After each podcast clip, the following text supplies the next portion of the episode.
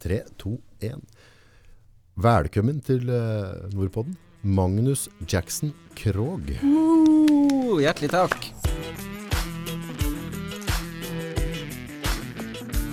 Det er første stopp. Første stopp, pitstop. Første pitstop hjemme i Brumunddal. Ja, altså Dialekta di stemmer ikke med hjemme i Brumunddal. Nei, det, det er mer i Gjøvik, kanskje. Mer i Gjøvik-sida. Ja, jeg har bodd lenge i Gjøvik. Bodd Bodde i Oslo. Jeg bodde 28 plasser. 28 Hvor gammel er du? Ja, vet du hva, jeg skulle ønske at jeg hadde, at jeg hadde lyst til å svare. Vet du at jeg sier aldri hvor gammel jeg er. Nei. Fordi at jeg føler meg eh, Jeg føler meg Kan jeg si 19? Jeg føler meg 19. Så flott. Så kan jeg legge på et par. da, 21. Jeg har lov å, gå, jeg har lov å kjøpe 21. brennevin på polet. Så du er ikke eldre. Nei, nei. Så flott. Da har du mye, mye bra foran deg. Jeg gleder meg. Ja. Livet er jo så vidt starta. Du har jo en sånn helt sinnssyk mengde folk som følger deg på sosiale medier. Mm. Fra Brumunddal. Mm. Og, og ha en følgeskare som er eh, rett og slett bare imponerende. Mm. Hvordan starta dette her? Jeg var åtte Var åtte og, ja, og fikk ja. mitt første videokamera. Det var et uh, gammelt uh, NRK-kamera. Altså, det var helt absindig svært. Uh, Sony SP, tipper jeg det henker. Ja, noe sånt. Noe sånt. Du hadde 500 og 700 blant annet. Ja. Ja, VHS-filmer som gikk ikke sant. Um, og drømmen om å lage film, det å formidle noe via film, har egentlig vært der så lenge jeg kan huske. Men jeg fikk det kameraet, så oppdaga jeg jo sjøl, vil jeg jo tro, at jeg har et øye for historiefortelling. Mhm. Min historiefortelling, så, Ja. altså fra mitt liv. ja. Um, og har gjort det i alle år. Og plutselig kom sosiale medier, og jeg fikk en plattform å legge det her ut på. Uh, og um, ja, så enkelt er det faktisk. Jeg har bare fortalt mine historier. Nå litt, mer, litt bedre bilde. Ja. Ikke VHS lenger. Ikke VHS. Men, men, um, men det har funka, og folk um, forstår historiene mine. Hva, hva er det som driver det? Altså, du skaper film. Mm. Det, altså, å fortelle en historie, skape filmer, podkaster altså, det er jo det er jo en, en skaperglede. Mm. Hva er det med det som, som trigger det? Hvorfor er, det? hvorfor er dette ditt domene? For det har det blitt. Altså, når det er 41 000 følgere på Facebook, altså, det er jo ganske koko. Ja, eh, altså en av videoene mine har 7,4 millioner visninger. Det vil si at Norge, hele Norge har sett den i hvert fall to ganger. Og Det er rimelig sært for en nordlending, liksom. En finnmarking. En, og bitte liten, vet du hva. Jeg jeg, jeg er 1,62 høy. 1,62. Ja. 1,62. Og på, ja, på Tinder er jeg jo 1,87, ah, selvfølgelig. Men, ja, men, men folk, spesielt én husker jeg for noen år tilbake, et par år siden. Han hadde fulgt i flere år, og så kom han på et av showene mine. Det her var i Troms en plass. Og så sier han 'dæven, jeg trodde du var mye høyere enn det der'. Og det sa meg bare at ok, stemmen min gjør at folk tror jeg er mye større enn det jeg er. Eller personligheten, kanskje. Eller- Ja, og det er jo det jeg tenker at ja, uansett hvor liten Jeg har alltid hørt at du er, jeg er minst. Mm. På alle arenaer så har jeg vært, alltid vært minst. Men på sosiale medier så er jeg faktisk en av de største. Og det, og det, og, og, jeg er ikke noe Folk tror kanskje at jeg er høy på meg sjøl fordi at humoren min ligger der. Humoren ligger liksom og fleiper med at ja, får du for faen ta seg Ja, til ja, ja. Finnmark, så, så, så du er ikke alene oppi vi, der, vi altså. er øverst i Norge, ikke sant? Ja. Men, men det er noe med å faktisk gi seg sjøl kred for det, det gode og det fine man utretter. Og for meg så har det alltid vært Jeg har ikke alltid vært en snill kar. Nei. Det må jeg bare si. Jeg har løyet mye til folk. Behandla har mange, I mange tilfeller så har jeg ikke behandla folk med respekt. Um, en del av min suksess, tror jeg personlig eh, Jeg begynte å ringe rundt til folk i 2014 og be om unnskyldning for Oi. ting jeg hadde løyet om. Og det ja, jeg, um, og, og det, det, det For rent personlig, av personlige grunner at jeg gjorde det, men jeg tror ikke at jeg hadde For jeg blir veldig shaky når jeg skal snakke med folk, Ja. fordi at jeg er redd for å si noe som er så ærlig at du blir forbanna på meg. Og du kommer til å bli forbanna på meg. Folk blir forbanna på meg en eller annen gang i løpet av en samtale. Men det, jeg tror at vi, vi må tåle å høre det, og det er det som gjør at vi Hadde ikke jeg fått alle de sparkene jeg har fått opp igjen av livet, hadde ikke folk behandla meg så dårlig Jeg har behandla folk dårlig, jeg òg, men hadde ikke jeg um, nå i 2019 kunne innrømme en feil, kunne beklage meg, så hadde ikke em, folk gidda å følge meg, tror jeg. Så jeg vanvittig har, Det er bare en, det bunner i en respekt for folk nå. Ja, en gang eller to kanskje gjort en feil, jeg vet ikke helt. Nei, hadde det ikke vært for den mengde feilene mine, så hadde jeg heller ikke vært den uh, gubbjævelen her i dag. Mm. Uh, så det å gjøre feil, det, det tenker jeg det, det får vi ta på utdanningskappa. Mm. Ingen er født perfekt. Og Antageligvis kommer vi sikkert ikke til å døve perfekt til, men om vi kan på en måte ha en progresjon der. Men tror du ikke det at mennesker som, som opplever Eller jeg, sånn som jeg ser det, så når, når jeg snakker med folk som har oppnådd, oppnådd suksess i eget liv, uansett hva det er for noe, om det Ja, ja. er eh, profesjonelt eller privat eller hva det er, så har de De fleste har opplevd ting som, som jeg kan si, og som de kan si er urettferdig. De har opplevd kanskje overgrep, mobbing. Um, de har rusa seg i mange år. Har gjort, jeg har vært i fengsel og møtt mennesker og holdt foredrag for mennesker som er i fengsel. Og, og eh, jeg, hvis jeg kan si det sånn at jeg har møtt mange mennesker i fengsel som er bedre enn folk som jeg møter på gata, hvis jeg kan si det rett ut. For de har gått den tunge veien. De er inne i det nå og utvikler en respekt for mennesker som ikke var der. Og det er den tunge veien, ikke sant. Og den kan bare, jeg kan bare definere min tunge vei, og så må du definere din. Og forhåpentligvis kommer du ut på andre sida med en respekt for folk. Og så må folk som du har møtt tidligere i livet, bare De må bare like deg eller ikke like deg, ikke sant. Jeg vet hvem han der er, jeg vet at han har de hensiktene, han er ikke en bra kar. Men så vet du med deg sjøl at jeg har en respekt for folk. Mm. Um, som ikke har vært der hele tida, men som er der nå. Og for meg så er det der Jeg tror mange som har vokst opp med meg, som tror de kjenner meg, tenker mye rart om meg. Mm. Men jeg har god samvittighet når jeg legger meg ned om kvelden. Jeg har god samvittighet. Mm. Jeg behandler folk med respekt. Um, that's it. Ja, så er det noe med at vi, vi handler ut ifra det ståstedet vi er i livet. Mm. Uh, men går det ut med gode intensjoner, så, så får det være nok. Ja, tror jeg tror suksess kommer Altså personlig suksess eh, er bare det å ha det bra. Altså vi ønsker alle å ha det Vi vil bare ha det bra. Ja. Sant? Ja. Vi vil bare ha en god hverdag og, og føle at det vi gjør har en betydning og sånne ting. Og hva du jobber med, det har egentlig ingenting å si. Altså hvis drømmen din er å jobbe med det her, og du jobber med det her, så, så har du det bra, ikke sant. Og da spiller det ikke noen rolle. Eh, Du kommer til det punktet i livet hvor det spiller ikke noen rolle hva du mener om meg. Det, det bryr jeg meg ikke om, ikke sant. Um, og da har du ikke Du har ikke den Jeg husker, eller for, for noen år tilbake, før alt det vi snakker om nå, um, og jeg ikke behandla folk bra, så var det nok en, en stor del av en misunnelse. Det så ut som folk hadde det så mye bedre enn meg, og det gjorde meg forbanna. Hvorfor har du det så mye bedre enn meg? Sant? Jeg gjør jo ikke noe galt. Jeg gjorde jo masse galt overfor meg sjøl. Jeg tok ikke vare på meg sjøl, spiste ikke bra. Um, jeg tok ikke hensyn til meg sjøl, ikke sant. Og det må du gjøre. Du må passe på deg sjøl. Um, Det er ingen andre som gjør det. Nei, det er jo ikke det. Det er en jævlig utakknemlig verden. Du, jeg, jeg satt på flyet fra Granca her i år i går, og jeg satt faktisk med han eh, Eller han var om bord, han Harald Eia. Ja. Jeg tenker, da går ikke flyet ned. Ingen altså Harald Eia må overleve, liksom. Men jeg, tenker det, eller jeg tenkte med meg sjøl at hvis flyet går ned, så er det ingenting som stopper. Hvis jeg dør i dag, ingenting stopper. Null. Alt kommer til å rulle og gå, og så er det en liten mengde mennesker som kommer til å Ja, Magnus er død, det er forferdelig trist, liksom, men sånn er det, vi, sånn er det nå bare. Ja. Eh, og da tenker jeg med meg sjøl at da, når det faktisk er sånn, mens jeg er i livet, så må jeg tørre å si hva jeg tenker og føler. Jeg er nødt å være til stede. Jeg er nødt å leve. Sant? Fordi hvis jeg dør, så er det egentlig ingen som bryr seg. Sånn egentlig. Nei, det er, jo- det, det er det ene tingen jeg er veldig opptatt av. Altså, hvis jeg peker, da.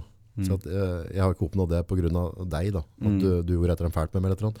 Så er det, liksom, det er tre fingre som går bakover, Mm. som peker tilbake igjen. Mm. Og det er jo egentlig essensen i det du sier nå. Ja. Du må tørre å gjøre det for hva du Du kan ikke, ikke begrense deg Nei. for hva du tror andre tenker, eller hva de sier. Det er bare bullshit. Det betyr det noe? Jeg bruker å si at altså, hvis, ikke, hvis ikke jeg skal ha folk hjem på middag, Mm. så spiller det ikke noen rolle. Skjønner du hva jeg mener? Altså. Ja, ja, ja, altså, og når du kommer til det punktet i livet, for at du må komme dit Det er ikke noe som er medfødt. Det er medfødt at vi skal ta hensyn. Det er medfødt at at vi skal bry oss om. Det er, medf altså det, er det vi lærer når vi vokser opp. Og det blir dessverre et mentalt fengsel etter hvert. Mm. Eh, fordi vi, vi er livredd for å skille oss ut. Vi er livredd for å si hva vi mener. Vi er livredd for å innrømme et nederlag. Vi er livredd for alle de tingene, for vi tror at det skader oss. Mm. Men det som skader oss mest, er jo det mentale fengselet.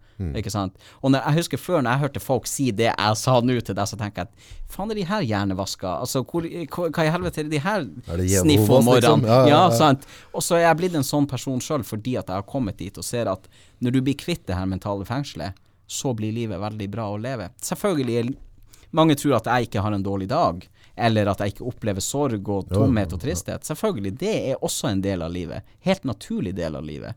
Men det er jo det som driver meg, er at hvis jeg føler at noe mangler, som jeg finner ut, da blir jeg nysgjerrig fremfor å bli lei meg og trist, ikke sant. Finne, nå må jeg gjøre noe nytt. Nå må jeg finne ut hva er det her som på en måte mangler, da. Når du prater mentalt fengsel, du toucha inn på noe i stad. Det at folk kan oppleve at, du, at, de, at de tar det som skryt. Da. At du kan faktisk si uh, positive ting om deg sjøl. Dette har blitt en forbanna folkesjuke. En sånn der falsk forlegenhet. Som folk, altså, hvor, hvorfor er det så farlig for folk å innrømme at nå har jeg faktisk gjort noe bra? Jeg er stolt av det jeg har gjort. Hvorfor, hvorfor skal jeg da automatisk ta det som skryters? Jeg blir sånn med fare for å blåse i min egen trompet hvis jeg sier et eller annet jeg har oppnådd. ikke sant?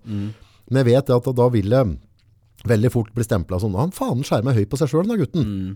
Bare sitt der og skryt. Hvorfor er det så farlig?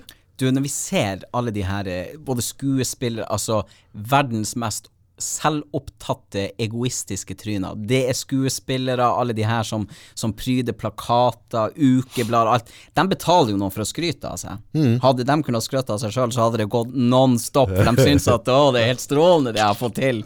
Eh, og jeg tenker det at eh, vi er litt sånn Vi, vi sammenligner oss litt med dem. Sant? Det er ingen som skryter av meg. Det er Nei. ikke noen som skal skryte av meg snart. Vet du hva, det er ikke noen. Du kan godt betale noen for å skryte av deg, men jeg har funnet ut det at, vet du hva, at min Det å faktisk lønne meg sjøl med, med ord og med handling og sånne ting Altså når vi snakker om selvpleie, så er det å ta seg et bad, gå Altså ferie, alt sånt. Og det å si Gran til seg sjøl Ja, for Granca, Granca. Men, men det å faktisk tørre å si, uansett hvor du jobber henne, uansett hva du jobber med eller hva du gjør, det å tørre å si det høyt at vet du hva, det her, det her har jeg gjort jævlig bra. Når jeg tenker på mitt utgangspunkt, så er det her faen meg Altså, det blir ikke bedre enn det her, for å si det sånn, uansett hvor lite det måtte være. Eller at du føler at folk at det her er lite. Men i norske folkesjela så sier jo, jeg, jeg gjorde sånn og sånn. Mm. Veldig stolt. Men eh, så klart, jeg fikk jo veldig god hjelp. Altså, vi må alltid liksom legge ned PS, Mm. bare for at du ikke skal toppe over, da. Altså, nei, jeg skal fortelle en ting. Jeg har sagt det her mange ganger. At hvis jeg noen gang nå, Jeg har aldri fått en pris. Litt skuffa, egentlig. Kan jeg få en pris av deg? Ja, selvfølgelig. Vær så god. Takk. Men jeg har aldri fått en pris eh, hos noen, eller at noen har sagt eh, liksom fra dem som jobber ute med priser og alt sånt der, at nei, nå gir han Magnus Jackson Krogh en sånn pris for han Vi syns han gjør mye bra, gitt. Men jeg skryter så mye av meg sjøl at det virker som at de eh, trenger trenger ikke noe mer priser. men, men jeg tenker litt sånn at vi Jo, men det er jo altså, jeg, jeg møtte deg, jeg lurer på om det var et eller annet utpå her, så så jeg deg. Du kom uh, Vasan ut på da de drev og åpna, eller en pris, eller Gaute var og sang, tror jeg. Mm. Jeg, vet ikke, jeg så det i hvert fall utpå her.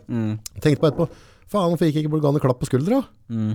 Vi, vi er jo i samme bransje, altså vi begge to driver jo i, i sosiale mediegreier, Mm. og jeg har jo sett deg, og jeg har jo fått med hva du har drevet med. Mm. Så, så egentlig da, som som en sånn, kall det kollega da. Mm. Men på en eller annen måte så, så gikk jeg ikke bort og gjorde det, men i utgangspunktet så kom jeg til å gi deg en liten bump i skuldra. Bra jobba. gjort, det skulle bare gjort. Ja, men det er jo fair. Hvorfor gjør ikke folk det mer? Hvorfor, gjør, hvorfor er det ikke naturlig for meg å gjøre det? Altså, vi er dårlige på å skryte av hverandre. Det er et godt spørsmål. Jeg er ikke det. Altså, jeg hadde jeg hadde i, i desember Jeg har sånn julekalender på, på sida mi. Um, hver dag så sender jeg direkte i ca. en time. Drit meg litt ut, tar meg sjøl ikke høytidelig i det hele tatt. Uh, og folk kan si 'Magnus, gjør det der og gjør det der', og så gjør jeg det. Kan du drikke deg full en julekalender? Det har jeg gjort. Gjort. Uh, Ei luke var å spille inn Grevinne Hovmesteren live i en time, og drikke det han drikker. Men faktisk drikke det. Jeg hadde en veldig dårlig dag derpå. Det var en forferdelig dårlig dag derpå. Jeg var så fyllesyk. Jeg var fyllesyk halve desember, skal jeg være helt ærlig. Men i hvert fall, da. Så eh, nå avsporer jeg jo totalt. Jo, um, det, må, det må gi hverandre kred. Et av mine nyttårsforsett i år var å fremsnakke folk. Så bra. For det er så enkelt. Folk sier eh, at det er så vanskelig å være i godt humør. Det er så vanskelig Nei, jeg tenker sånn eh, Det enkleste i min hverdag er å fremsnakke noen. Uansett hvem det måtte være, så kan jeg gi Jeg kan si et eller annet positivt med deg. Uansett. Sant? Ja, ja, hvis du gidder. Ja, hvis jeg gidder, ja. Ja. Eller hvis jeg Altså, for meg så er det mer at jeg har lyst til det. Sant? Fordi at det, det avler positivitet hos meg å kunne si fine ting til folk. Ikke sant? Før så var jeg den som sa 'herregud, se nå på han der, se nå på hun der', se. Og det er det folk gjør. Sant? Det er mye lettere for folk å si noe negativt om noen enn å si noe positivt. Fordi at, fordi at vi Ingen er perfekt, det vil si at det er mye lettere for meg å finne en feil på deg, ikke sant? Faktisk har de forska på det her, Så øh, hvis, øh, hvis jeg sitter på hjørnet på bordet bort her, da, og så kommer øh, folk av ruslende sin Hvis jeg da innen tre sekunder kommer med en positiv bemerkning Mm. Altså, Gøy på håret i dag, fin bukse altså Bare smile, møte dem et eller annet. Så har det en direkte påvirkning på dagen deres. Mm. Når det da kommer et nytt menneske inn i rommet, hvis du innen tre sekunder sier et eller annet som er positivt lada, Mm. så sørger du for at den dagen blir bedre for andre person. Tenk på Det det. koster ikke så mye. Koster ikke en dritt. Kul bukse i dag, liksom. As That's it. Det er ikke sånn at bare fy faen, jeg digger deg og forguder deg. Du trenger Ja, nei, nei. du trenger ikke dra bare, bare en liten. En liten. Og det, men det skal man Nå er vi jo inne på, på egentlig vi avsporer litt, men, men det er jo det jeg gjør overfor meg sjøl òg. Ikke sant? Jeg, jeg, jeg prøver å, å finne noe jeg, jeg, Ikke prøve engang. Jeg, jeg kan si 100 positive ting om meg sjøl uten å være narsissist. Liksom. Ja, ja. Eh, og jeg tror vi alle er litt narsissist, for vi er alle litt selvopptatt. Vi er alle litt sånn. ja, Men, men, men det er ikke før altså det er ikke før man men, men man hører om det sånn negativt hele tida. Mm. Jeg er mer for at vi skal bli mer egoistiske. Jeg må passe på at Magnus har det bra. I Mm. Det er jobben rekke. din. Det er jobben min. Og i andre rekke så kommer det å dele ut positivitet til andre. Og hver morgen, stort sett hver morgen gjennom hele året, eh, hundrevis av timer, så sender jeg live på Facebook hvor jeg sitter og sier det til andre folk, og hvor jeg gir dem oppmerksomhet, hører deres historie, eh, og gir dem kred for det de gjør. For i deres liv så, kan, så er det en bitte liten ting Veldig mange som følger meg, har jo angst. Ja. De går på butikken og handler. Er Jeg følger deg, eller? Den ba du om. ja, men for, for meg så, så tenker jeg at Og jeg vet, for jeg har hatt panikkangst i mange år. Altså, jeg har, jeg har jo angst. Får ikke puste og greier? Åh, ja. Alt, alt det der. Min podkast i dag handler faktisk om det. Men i hvert fall um, Så jeg vet hvor stort det er i livet deres. Mens Men jeg vet jo det. Mm. Sant? Og derfor kan jeg også gi dem den kreden og sånn. Men, men jeg tror alle, alle har behov for det. Det er et grunnleggende behov for å høre de tingene. Når vi er barn, så vokser vi på at folk gir oss skryt Mm. og ros. Og når vi blir voksen, så er det jo ingen som står og sier noe til deg. sant? Og vi lever i et samfunn hvor vi har ikke tid til det. På Facebook kan vi gjøre det. Jeg sier legg bort den der jævla telefonen et lite øyeblikk. Jeg så det var noen som var på konsert i, her i Kongsberg, eller hvor det var, med Anna Walker. Ja. Og det var noen som sto ganske langt bak, og sendte direkte på Facebook.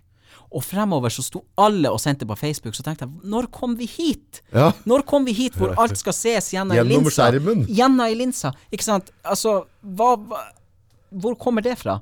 Altså, før Hvis jeg kunne ha opplevd Michael Jackson hvis jeg kunne skrudd klokka tilbake, og jeg får gåsehud når jeg snakker Se på det der! Der har du ordentlig ståpels, for å si det rett. Mm. Ser? Men jeg kan garantere det at jeg hadde ikke stått og sett det gjennom en skjerm. Jeg hadde stått og sett på det og gleda meg over det øyeblikket hvor jeg hadde den muligheten. Ja. Og når jeg møter folk, f.eks. deg eller andre folk jeg møter, så står ikke jeg og ser det gjennom en linse. Jeg står og ser folk i øynene når jeg prater med dem. Nei, Fordi at det er en opplevelse, og det er et øyeblikk. Um, og det Det er en hverdagsutfordring. Ja, det det. Og, og, bare skjerpe seg litt der. Jeg Ja. jobber jo med Facebook, så jeg har jo, har min tid på Facebook. Mm.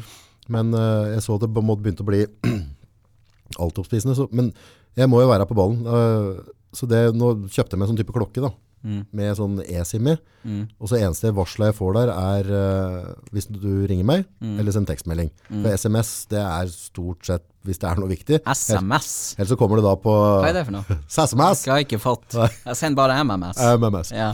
Så, så da Kan vi ikke gå tilbake til fax? Fax, er god gamle telefax. jeg er en jævel på fax.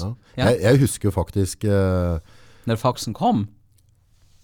Ja, faktisk. Men, eh, men eh, når vi fikk mobiltelefoner og kunne sende SMS på, Mm. og ikke minst MMS, det, det tok helt av. MMS? Ja, Ja. Jeg husker vi kjøpte første var en sånn type Panasonic, for å kunne sende SMS da. Mm. Eh, 20 tegn? 30 tegn? ja, jeg husker ikke. Da var det jeg og en kompis i Brumunddal som hadde det, så vi satt liksom på hver vår stein og sendte til hverandre, for det var dritfett, ikke sant? Ja. Og så begynte det å, å, å gå da. Det tok av etter det. Det det var litt. egentlig dere som starta den trenden her i Brumunddal. alle, alle sender SMS i Brumunddal nå, det er helt rått. Ja, Dere helt skulle ha rått. sett. Ja, skal jeg ja, men det var en stor ting når det kom. Ja. Kunne ikke fatte det som kunne sitte her og sende til andre siden av kloden, bare Ja. så var det inne. Det var helt sjukt. Tenk for en eh, det er, jo ingen, det er jo ingen begrensninger lenger på hva vi kan oppnå. Og jeg ser en av de første videoene jeg la ut som er sett av veldig, veldig mange, den er jo oversatt til spansk og engelsk, Oi, og den har blitt oversatt til flere forskjellige språk. Og jeg tenker det at Så filmmaskinen, altså. det, tenk, Det altså, er, det, så, det er sånn der krabba fra Russland som kommer nedover. via altså, Dæven han steike. Ja, vet men jeg føler det av og til jeg, jeg må bare si fortelle det ferdig, for jeg, jeg tenker det at Torsk, får folk. kjeft nå litt. Grann. Jeg føler at vi har vært liksom, det, det er alltid noen grenser. Vi setter grenser hele tida. Før så var det sånn Kjøllefjord, det var ikke noe utenfor Kjøllefjord for meg. Kjøllefjord, Grensa gikk eh, omtrent ved fjellene rundt. Okay, ja. Og så måtte jeg på videregående skole, og så ble grensen flytta litt. Grann. Og så oppdaga jeg at Oslo, Oslo, Oslo Jeg flytta til Alta etter, etter Så var Alta. Og så eh, Tromsø. Og så, sant, så grensen mine har flytta seg hele tida. Og, så kom- og så kom jeg til Oslo. Flytta inn på ei forferdelig leilighet på Veitvet i Oslo med, med han eh, Hva heter han i borettslaget? Han Narvestad. Ja, ja, ja. Han var altså, Han var der, liksom? Altså, det, det var han. Altså, det, det, det, Nei, det er ikke tvil. Altså, hvis det er basert på noen, så er det han. Han var en jævel på vaskepolettet. Altså, det var ikke Etter klokka fire, ikke sjans. Men i hvert fall. Eh, og så kom jeg til Oslo, og følte at Men det her kan ikke være alt. Oslo kan ikke være alt. Sant? Jeg hadde satt meg et mål om å være på Hotell Cæsar. Og når jeg sto i lobbyen på Hotell Cæsar, så tenkte jeg fy faen, det her drømte jeg om da jeg var ti år gammel. Ikke sant? Og de grensene har jeg sprengt. Sant? Altså, Takk. og og videoen og, og det jeg har sagt er oversatt, og millioner har sett det der ute. Gud vet hvor mange som har sett det nå, med de videoene som er oversatt. Jeg husker det var i dansk avis som ringte meg her i 2015. Og eh, skrev noe, skjønte ikke en Ja, ja, drit, ja. jeg skjønner jo ikke dansk. Og plutselig, og plutselig så hadde jeg et svært oppslag i en dansk avis om, om ADHD og styr og stell, ikke sant. Men det er jo ikke om ADHD, det er jo meg. Det er jo mitt liv, ikke sant. Altså, Da ser dere folkens så gærent det kan gå hvis ikke medisinerer disse Ja, ADHD-folka. det er korrekt. sprer seg i Men- hele verden. Men Faen steike. Men, men jeg føler at alt har alltid hatt en grense. Det har liksom vært en grense rundt meg på hva jeg kan oppnå, hva jeg kan gjøre, hva jeg kan tørre. Og så er det egentlig bare, for å ta det litt tilbake, det mentale fengselet jeg snakker om nå. Hvis du opplever ting, og hvis du setter grenser for deg sjøl hele tida, hele tida, eh, så oppnår du ingenting.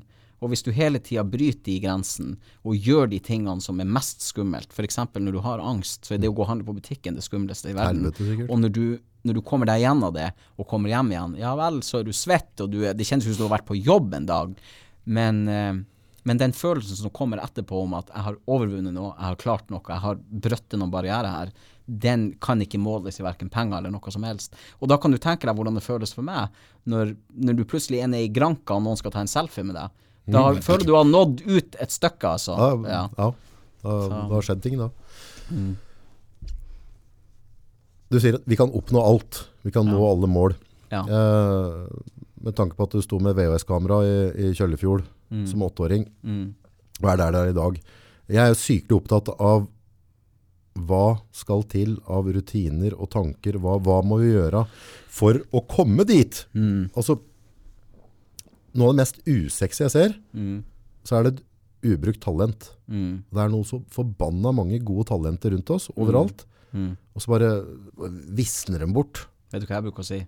Jeg bruker å si at eh, når, når mennesker lever i sånne begrensninger at de blir sittende hjemme, kanskje de er i Nav-systemet, de kommer seg, da får du et storting som vi har nå, sant? inkompetent, ikke alle, men veldig mange, nå skal jeg være litt forsiktig her. Hvorfor det? Jo, fordi at jeg fikk en melding hos, jeg fikk en melding hos Erna Solberg i 2016 hvor det sto hun kunne, ikke, hun kunne ikke tilby meg jobb, men det var et eller annet sånt, så jeg må være litt forsiktig. Jeg okay, okay, sikta ja, meg inn på Stortinget. Men, men um, som sekretær. Men i, i, i hvert fall så, uh, så tenker jeg det at Altså, jeg er helt enig med deg at når du ser når Nå du Nå fikk jeg tanker. Er Nå har jeg sett, nå har jeg sett en Magnus fra Kjøllefjord, som er sekretær på Stortinget. Ja. Det blir møtereferat. Ikke Ja, det, ja, det blir det. Så så hestkuken! Og så var det Ja, og så skriver jeg bare mitt eget referat, egentlig. Ja. Jeg når ut til flere, så, men i hvert fall. Faen, mye bra lover vi får. Men i hvert fall, når jeg møter folk på mine foredrag eller mine show, eh, så er det veldig mange som Altså, de har faen ikke vært ute av døra nesten på flere år. De har aldri sagt noe positivt. Det er så krise? Det er så krise. Det er en epidemi. Eh, altså, nå har jeg 50-50 eh, folk som har lyst til å flire, Ja. og folk som faktisk har lyst på en forandring i livet. De kommer for å bli inspirert, de kommer for å høre ei historie, og for å kanskje få eh, ei vitamininnsprøytning med psykisk helse. Og det føler jeg jo at jeg til en viss grad klarer å gi dem. Tydeligvis, da. Ellers hadde det ikke Ellers hadde det ikke fungert. Nei. Men, men det jeg ser er at ingen eller veldig mange ganger, ingen har sagt noe positivt til dem.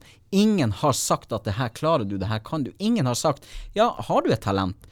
Og så må de tenke selvfølgelig har du det. Du har jo noe. Noe kan. Du kan noe. Ja, ja, ja. Men når ingen, når du aldri har hørt det, ingen har spurt deg, du har aldri reflektert over det engang, så det sier litt om oss som samfunn. Vi, å, vi, være, vi er så snille med hverandre, vi er så gode, vi er så gjestfrie. Mm.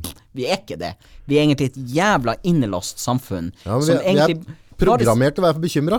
Ja. Altså, det blir sånn derre Ting har jo gått veldig bra med oss her Mm. nede på tårnet, og før tårnet. Men hvis jeg da prater om noe nå, så, så er det sånn derre ja, ja, men vær forsiktig, ikke vokse så fort, da. Mm. Det er ikke sånn dritbra. Bra jobba, stå på, bare gass på videre. Mm. Pass på det. Det er litt rart. Det ligger sånn, og jeg, vet med hånda på hjertet, de sier ikke det for å være gølle eller vonde eller noen Mm. ting, men det bare ligger så latent. Indoktrinert. Ja, så jeg husker vi la ut en post når vi flytta ned hit, og så kom jeg, nå var det noe avgiftsgreier og noe styr attåt. På ett døgn så fikk jeg mer skryt enn jeg har fått hele forbanna livet mitt. Ja, Det var ganske vanskelig å forholde seg til. Mm. Det var skikkelig uvant, liksom. Altså, du føler at du, altså, hvis, hvis du har gødde brukt tida di Mm. på å skrive noe pent om meg, så, så skylder jeg deg å Ja, komme hvor- med en positiv respons ja, òg, ja, ja. Så tikka det inn, vet du. Tenkte, dæven, når ble dette riktig? At en skal få skryt, liksom, oppi det hele? Det er sprøtt. Og så tror man kanskje ikke helt på det heller. Jeg merker at jeg nesten blitt litt Og det her er litt fælt. Uh, nå er det her den første podkasten uh, som jeg gjester eh, av en serie fremover nå. For jeg har bevisst takka nei. Um, og, og det her høres kanskje litt fælt ut, men jeg får, jeg, jeg får veldig mye skryt. Jeg Ja. får meldinger hele tida fra folk som Ja, det er fint, men jeg blir litt herda fordi at jeg føler at um, Hvis ikke jeg kan gjøre ei handling for deg som gjør at du får det bedre For det her kommer ofte fra mennesker som ikke har det noe bra. Og jeg bare tenker, hvor finner dere Når jeg var der du er, bruker jeg å tenke, så hadde jeg aldri kunne ha gitt noen skryt. Jeg kunne aldri ha gjort Det Men det. kan godt hende at bare du sitter nå i, i den gule genseren din, Mm. er nok for at det er motiverende for dem. Kanskje. Altså, det, altså, hvor, hvor er det altså, Bare det at du lever, at pumper i går, Mm. og at du gjør det du tror på, Mm. det kan være nok at du er mentoren for hundrevis, tusenvis av andre mennesker Mm. som vet at de egentlig har en Magnus inni seg, Mm. men de har på en måte restricted han, og da er det jævlig behagelig å se at du faktisk gjør det. Det virker som at egentlig Det er du oppsummerte det Du oppsummerte nå det som jeg Og jeg, ble, jeg, kjenner, jeg, jeg er så lettrørt. Jeg og Nora Syltetøy, vi er lettrørt. Når, når du har en oppvekst som jeg har hatt, og den skal jeg ikke gå inn på nå, Nei. men når du har en oppvekst som jeg har hatt, hvor du aldri har fått skryt um, du, Stort sett så har hverdagene dine og barndommen din dreid seg om de tingene som du ikke får til. Em, da blir du herda. Altså, du, du blir litt sånn hardhuda i forhold til å ta imot. Du trykker på det, liksom? Eller? Nei, ja, en del av Magnus tror på det, og, en, og det er fordi at det er ærlig. Sant? Hadde jeg sittet og løyet til folk, så hadde jeg ikke blitt rørt av det. ikke sant? Og veldig mange der ute lyver til folk. De sitter og lager en personer offentlig som ikke stemmer. Når folk møter meg privat, så de kjenner igjen Magnus. Magnus. Det er akkurat han vi sitter og ser på på Facebook. Det er han som er på scenen. Han er bare han Magnus. Det er ikke noe mer. Her er ikke en persona, um, egentlig. Um, det er han Magnus og ferdig med det. Og han har vanskelig for å ta det inn over seg. Da vet jeg ikke om jeg hadde fått sove om natta. Eh, for det, når folk skriver til meg, så du ser at det er ekte. Det er ikke for å, for å få kontakt med Magnus. De vil bare fortelle. Og etter hver etter, eller etter et foredrag jeg har hatt hvor jeg ikke har tid til å møte dem etterpå, så blir de lei seg. For de vil bare si det til meg. De vil ikke ha noe fra meg. Nei, de vil bare si det. At du har gjort noe med meg i dag, eller du har rørt noe med meg i dag. Um, og når jeg møter dem Jeg griner. Her i Levanger, uh, i rett, en av de siste forestillingene, så kommer det ei Hun var 16 eller 17 år uh, på bakrommet etterpå. Noen også leide henne inn da. Uh, og med en gang hun så meg, så begynte hun å grine. Og da begynte jeg òg å grine. ikke sant? Og det, det er et møte mellom to personer som, som vet hva vi føler. Skjønner du hva jeg mener? Det er da sånne ting oppstår. Og det er de fineste øyeblikkene. Det er når jeg møter en som følger meg der ute, og du ser at det er ekte, og du ser at det gjør noe med dem. ikke sant? Når folk griner Jeg er Justin Bieber eh, innenfor psykisk helse. Og det er det jeg bruker å si også. Dem, det her er velfortjent, folkens. Ja. Men, men det jeg, jeg føler at hvis ikke meg, hvem da? Det har jeg alltid følt. Hvis Ja, men ikke Ja. Hvordan, hvordan klarer du å balansere dette? For altså, øh, hvis jeg kommer inn, da, så har jeg et eller annet rørende å si til deg. Mm. Uh, og så begynner jeg å grine, Mm. og så griner du med meg. Mm. Du gir jo et eller annet av sjela di, da. Mm. Faen, dette må koste deg. Ja. Går du ikke tom for empati? Jo. Altså, du skal, jo, men altså skal, skal, du- skal du være med på alle sine sorger, og, og, og være med altså, hvordan, hvordan klarer du å finne den balansen der? Du, Du, må jo låse deg inne en måned i året. Det er Ellers så ingen klikker du for deg. Det er ingen andre i Norge som gjør det jeg gjør. Nei. Sant? Og jeg, jeg føler at eh, jeg skulle ønske Og det her høres kanskje helt drøyt ut, oh. men mange ganger skulle jeg ønske at jeg hadde en Magnus. Skjønner du hva jeg mener? Ja, ja, jeg som jeg kunne ringe, som forsto. Men jeg er den eneste som gjør det her. Ja. De historier og det folk sliter med der ute, og det er mye. Det er overgrep, og det er mobbing, og det er så mye som har skjedd med folk der ute. Sånn at publikummet mitt er jo alle. Det kommer bestemødre, bestefedre, oldemødre. Altså um, å fortelle historier fra krigens dager om hva de har opplevd, ikke sant. Og fortelle det til meg. Og Det er ganske sprøtt. vet du, det er helt insane. Og, det er ing og når jeg da stopper av og til eh, når, Nå skal du få en liten hemmelighet hos meg. Når jeg skal roe helt ned, og når jeg føler at livet mitt Det her har jeg aldri sagt til noen før, men eh, når jeg skal koble ut alt, alle mennesker som jeg har møtt, for jeg hører mange av dem i hodet mitt, så hører jeg historier som er blitt Når en, når en, ti, når en ti år gammel jente sitter og forteller deg om et seksuelt overgrep, det glemmer du ikke. Den stemmen sitter der akkurat sånn som den er blitt fortalt. Når jeg skal koble alle de her ut, så jeg har prosjektor hjemme. Ja. Eh, da streamer jeg fra verdensrommet live det som skjer ute i verdensrommet. Du, jorda kommer opp, gjerne fra altså Det blir jo enten fra en satellitt eller fra et fartøy, direkte. Det er det som skjer nå. Og når jeg sitter og ser ned på jorda, så ser jeg hvor smått det jeg gjør. Det er så smått, for jorda er så svært, alt er så svært, og jeg er, så for, jeg er 1,62 høy, har egentlig veldig lite å by på. Skjønner du hva jeg mener? At det, det er ikke så stort, Magnus. Men jeg vet jo at for veldig mange mennesker på den samme jorda, så er det kanskje det største hittil i livet deres. Skjønner du? Og det, for meg så er Og Det skal han ha helt, helt klart for seg. Uh, han, du ønsker å nå ut, og du ønsker å, å, å gjøre, gjøre gode ting, og du ønsker å, å drive med det du driver med. Så vil han alltid tenke som at eh, jo, men jeg er bare en liten brikke. Men hvis, hvis vi eh, har klart nå i podden i dag å underholde ett menneske i en eller annen positiv retning, hvis noe av det du sier nå i dag er med å forandre noe for én person, mm, så er vi allerede vinnere. har Det har en betydning for noen. Jeg vet ikke, har du noen som du som du oppsøker, enten i sosiale medier eller i bok eller et eller annet, eller et menneske, en venn, en kompis, et eller annet, som du oppsøker for å få noe ehm, som gjør deg litt hel? Skjønner du hva jeg mener? Hvis, hvis du som har levd et røft liv, um, føler at jeg, jeg må ha noe nå. Altså, noen må gi meg noe som bare det mennesket kan gi. Din beste venn, eksempel, eller mamma eller pappa, eller hvem det er der ute som hvor Ofte også oppsøker vi foreldrene våre, eller så oppsøker vi noe der ute som skal på en måte gjøre deg litt helt. Og Jeg har jo to, to døtre. For eksempel, ikke sant. Jeg har to onkelunger. Men jeg må tenke at for mange der ute, så er jeg den personen. Skjønner du hva jeg mener? Og den jobben, det er min jobb. Det å være den personen. Du trenger ikke å betale meg, jeg skal ikke ha noe fra deg. Du kan fortelle meg de historiene, du kan ringe meg. Jeg skal høre på hva du sier, jeg skal grine med deg. Men det er min jobb. Og den jobben er det bare jeg som har. Jævla privilegert. Det er det jeg har vunnet. Men jaggu ofrer du litt òg. Ja, men det, sånn er det jo alltid. Altså, bortsett fra hun kanskje som tar imot fem spenn på dassen på Nationaltheatret. Jeg håper i hvert fall ikke hun skaper magi for noen i løpet, av sin arbeidsdag. Men det har jo skjedd mye på toalettpapirfronten òg. Jo da, jo da. da. Det har du det. Stadig vekk en utvikling. Ja, ja, stadig vekk. Ja. Nei, men det, det å ha noen å støtte seg på, og, og, og det, jeg mener helt klart at livet er tøft. Du kommer til å få deg noen på tygga. Noen kan slippe litt uh, heller unna andre. Andre gjør dumlere valg underveis. Får seg mange på tygga. Mm. Så jeg har mye, mye bøker. Er Veldig, veldig glad i bøker. Mm. Jeg bruker mye tid på det, og jeg har jo også ting jeg følger med på YouTube. Men uh, nøkkelen for at ikke jeg skal bli koko, Mm. er at jeg drar meg opp fem om morgenen, og så holder jeg meg aktiv hele forbanna dagen. Så når jeg legger huet på puta klokka ni på kvelden, Mm.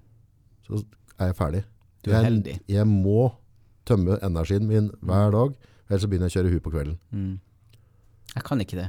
Jeg, jeg, du vet at på kvelden så Mennesker som meg, eller som jeg har vært, de våkner til liv på kvelden. Ja. Det er da de begynner å tenke. Det er da de begynner å føle. De har gått gjennom dagen som en sånn maskin Mm. og gjort akkurat det som kreves av dem. Og så kommer de hjem, og så begynner de å føle. Mm. Og da kontakter de meg. Da ringer min telefon. Fra en eller annen bloggfølger, fra en eller annen plass ute i Huttiveit. Du tar telefonen da, liksom? Ja, selvfølgelig. Um, og jeg tror det er det som gjør veldig mange sjokkert. I 2014 så fikk jeg over 5000 brev hjem i postkassa. Og jeg kan ikke forklare deg hvor mange brev det er. Nei, det, det er jo åndssvakt. det, det, er, det er akkurat det det er. Jeg har svart alle. Og jeg kan, jeg kan nesten ikke skrive. Altså, jeg har jo lese og skrive. Du har det? Bare Så da der kommer det vanskelig for deg sjøl. der skal jeg få en pris fra en eller annen. Ja. Ja, må et dyslekterforbund. Bare. Du svarer ikke på 5000 brev på et år, vet du. Nei, men jeg gjorde nå det. Vet du hva løsninga mi er? No. Roy. Roy. Ja. Min daglig leder. Oh, ja. Mm. Han er jævla god på å skrive. Og så Da skal jeg bare sende bare, eh, For alle der ute som trenger å sende meg brev, send det til Mjøstårnet fjerde etasje. Det er noen svarer her oppe. Men i hvert fall um, Ja, jeg det, svarer jo uh, at jeg sier hva jeg tenker, og så renskriver jeg. Ja, når du er dysleksi, sånn som det er også, det er alt og fram på Jeg må drive og velge ord. Aha. Jeg bruker så forbanna lang tid, ikke sant. men på, du kan jo skaffe deg en sånn diktafon. Eller sånn Jeg har jeg Roy? ikke kommet så Å ja, det er Roy, ja. ok. jeg vet at veldig mange PC har noe du bare kan lese inn og skrive den for deg. Ja, det blir ikke bare kødd, eller? Det kommer jo helt an på. Jeg prater jo mye dritt.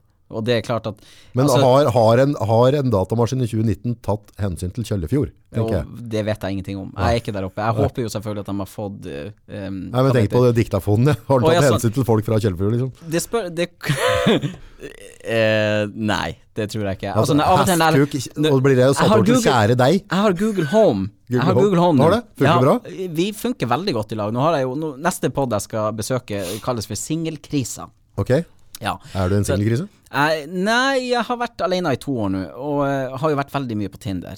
Ok, Og- og jeg er jo- funker Tinder også? Du, den matcher, det kan jeg fortelle, jeg har fått veldig mye merkelige Tinder-matcher. Jeg fikk en med ei oppe i Øvre Vang, Oi, oi, oi. men det er jo et helvete, for jeg kjører jo ikke bil.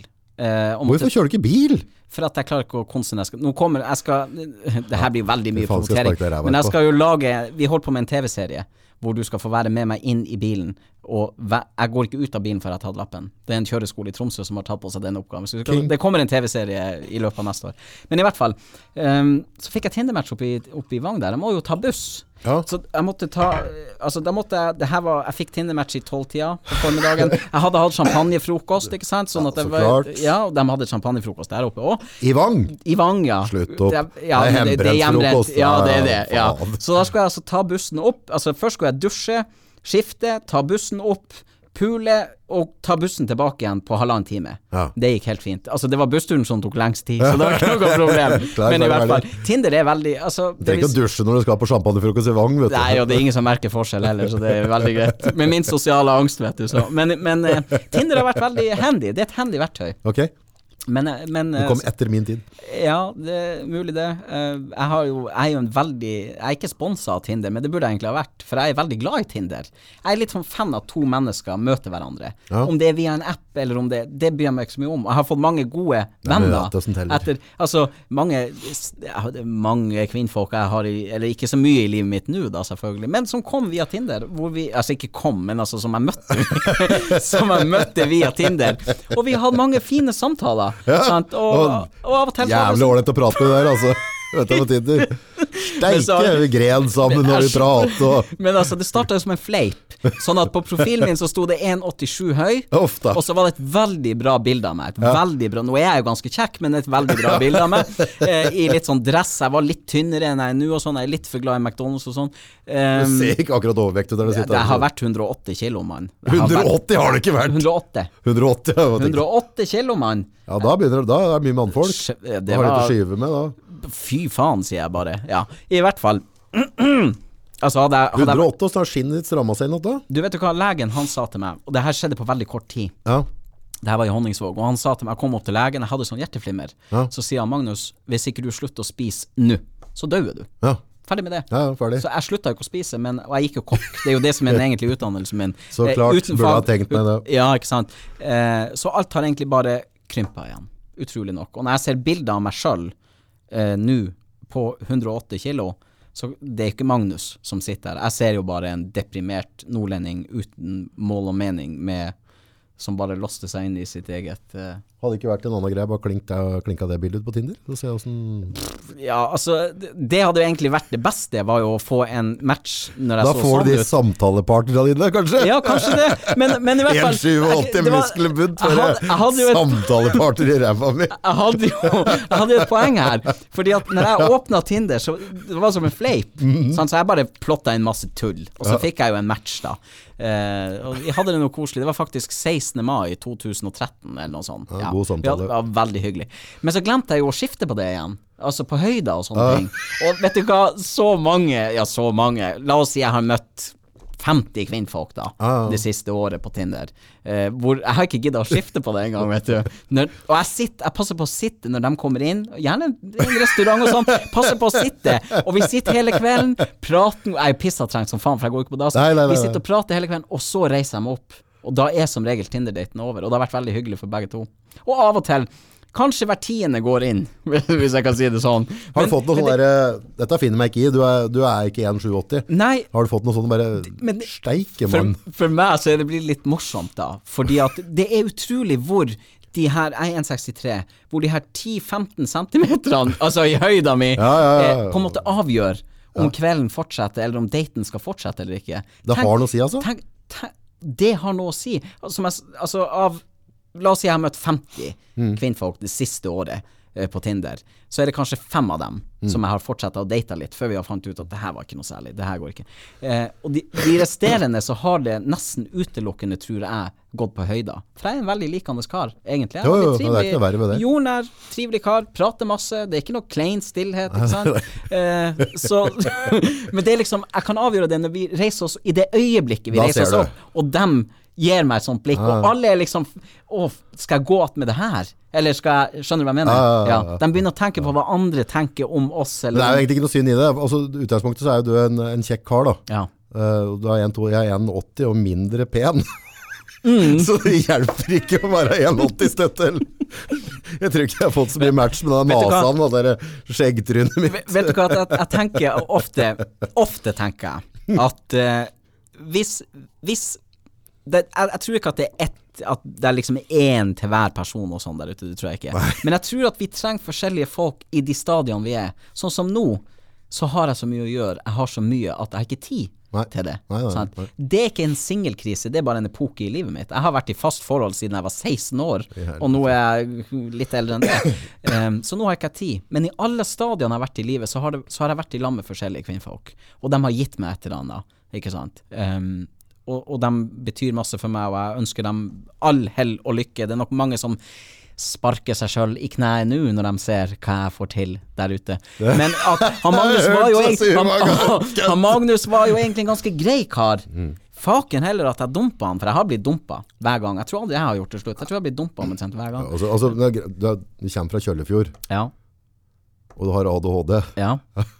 Det skal ikke så mye mer til, tenker du? Det var Du grunnen. har, du har i hvert fall grunnstenen for å bli dumpa, da. Ja, men, Fly rundt huset. Du hører nå på singelkrisa fra Brumunddal. Hvis det er single kvinnfolk der ute, så sitter vi i Mjøstårnet. Mm. Men i hvert fall så tror jeg det at eh, Kunne ikke prøvd å lodde deg ut, da? På Vær så god, bare prøv.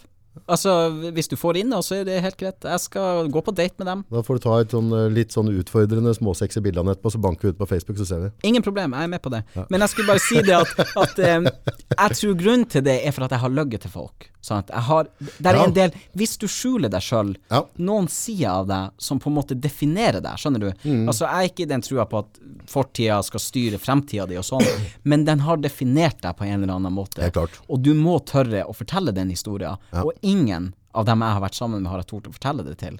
Mens nå han nye Magnus, 2014-Magnus, relanserte Magnus, som tør å fortelle. Han, han, og folk er litt redd han. Jeg tror alle som jeg har vært på date med og sånn, de er litt redd han. Han er litt brå, han er litt for ærlig, og det er litt skummelt, egentlig. Det med løgn. Mm.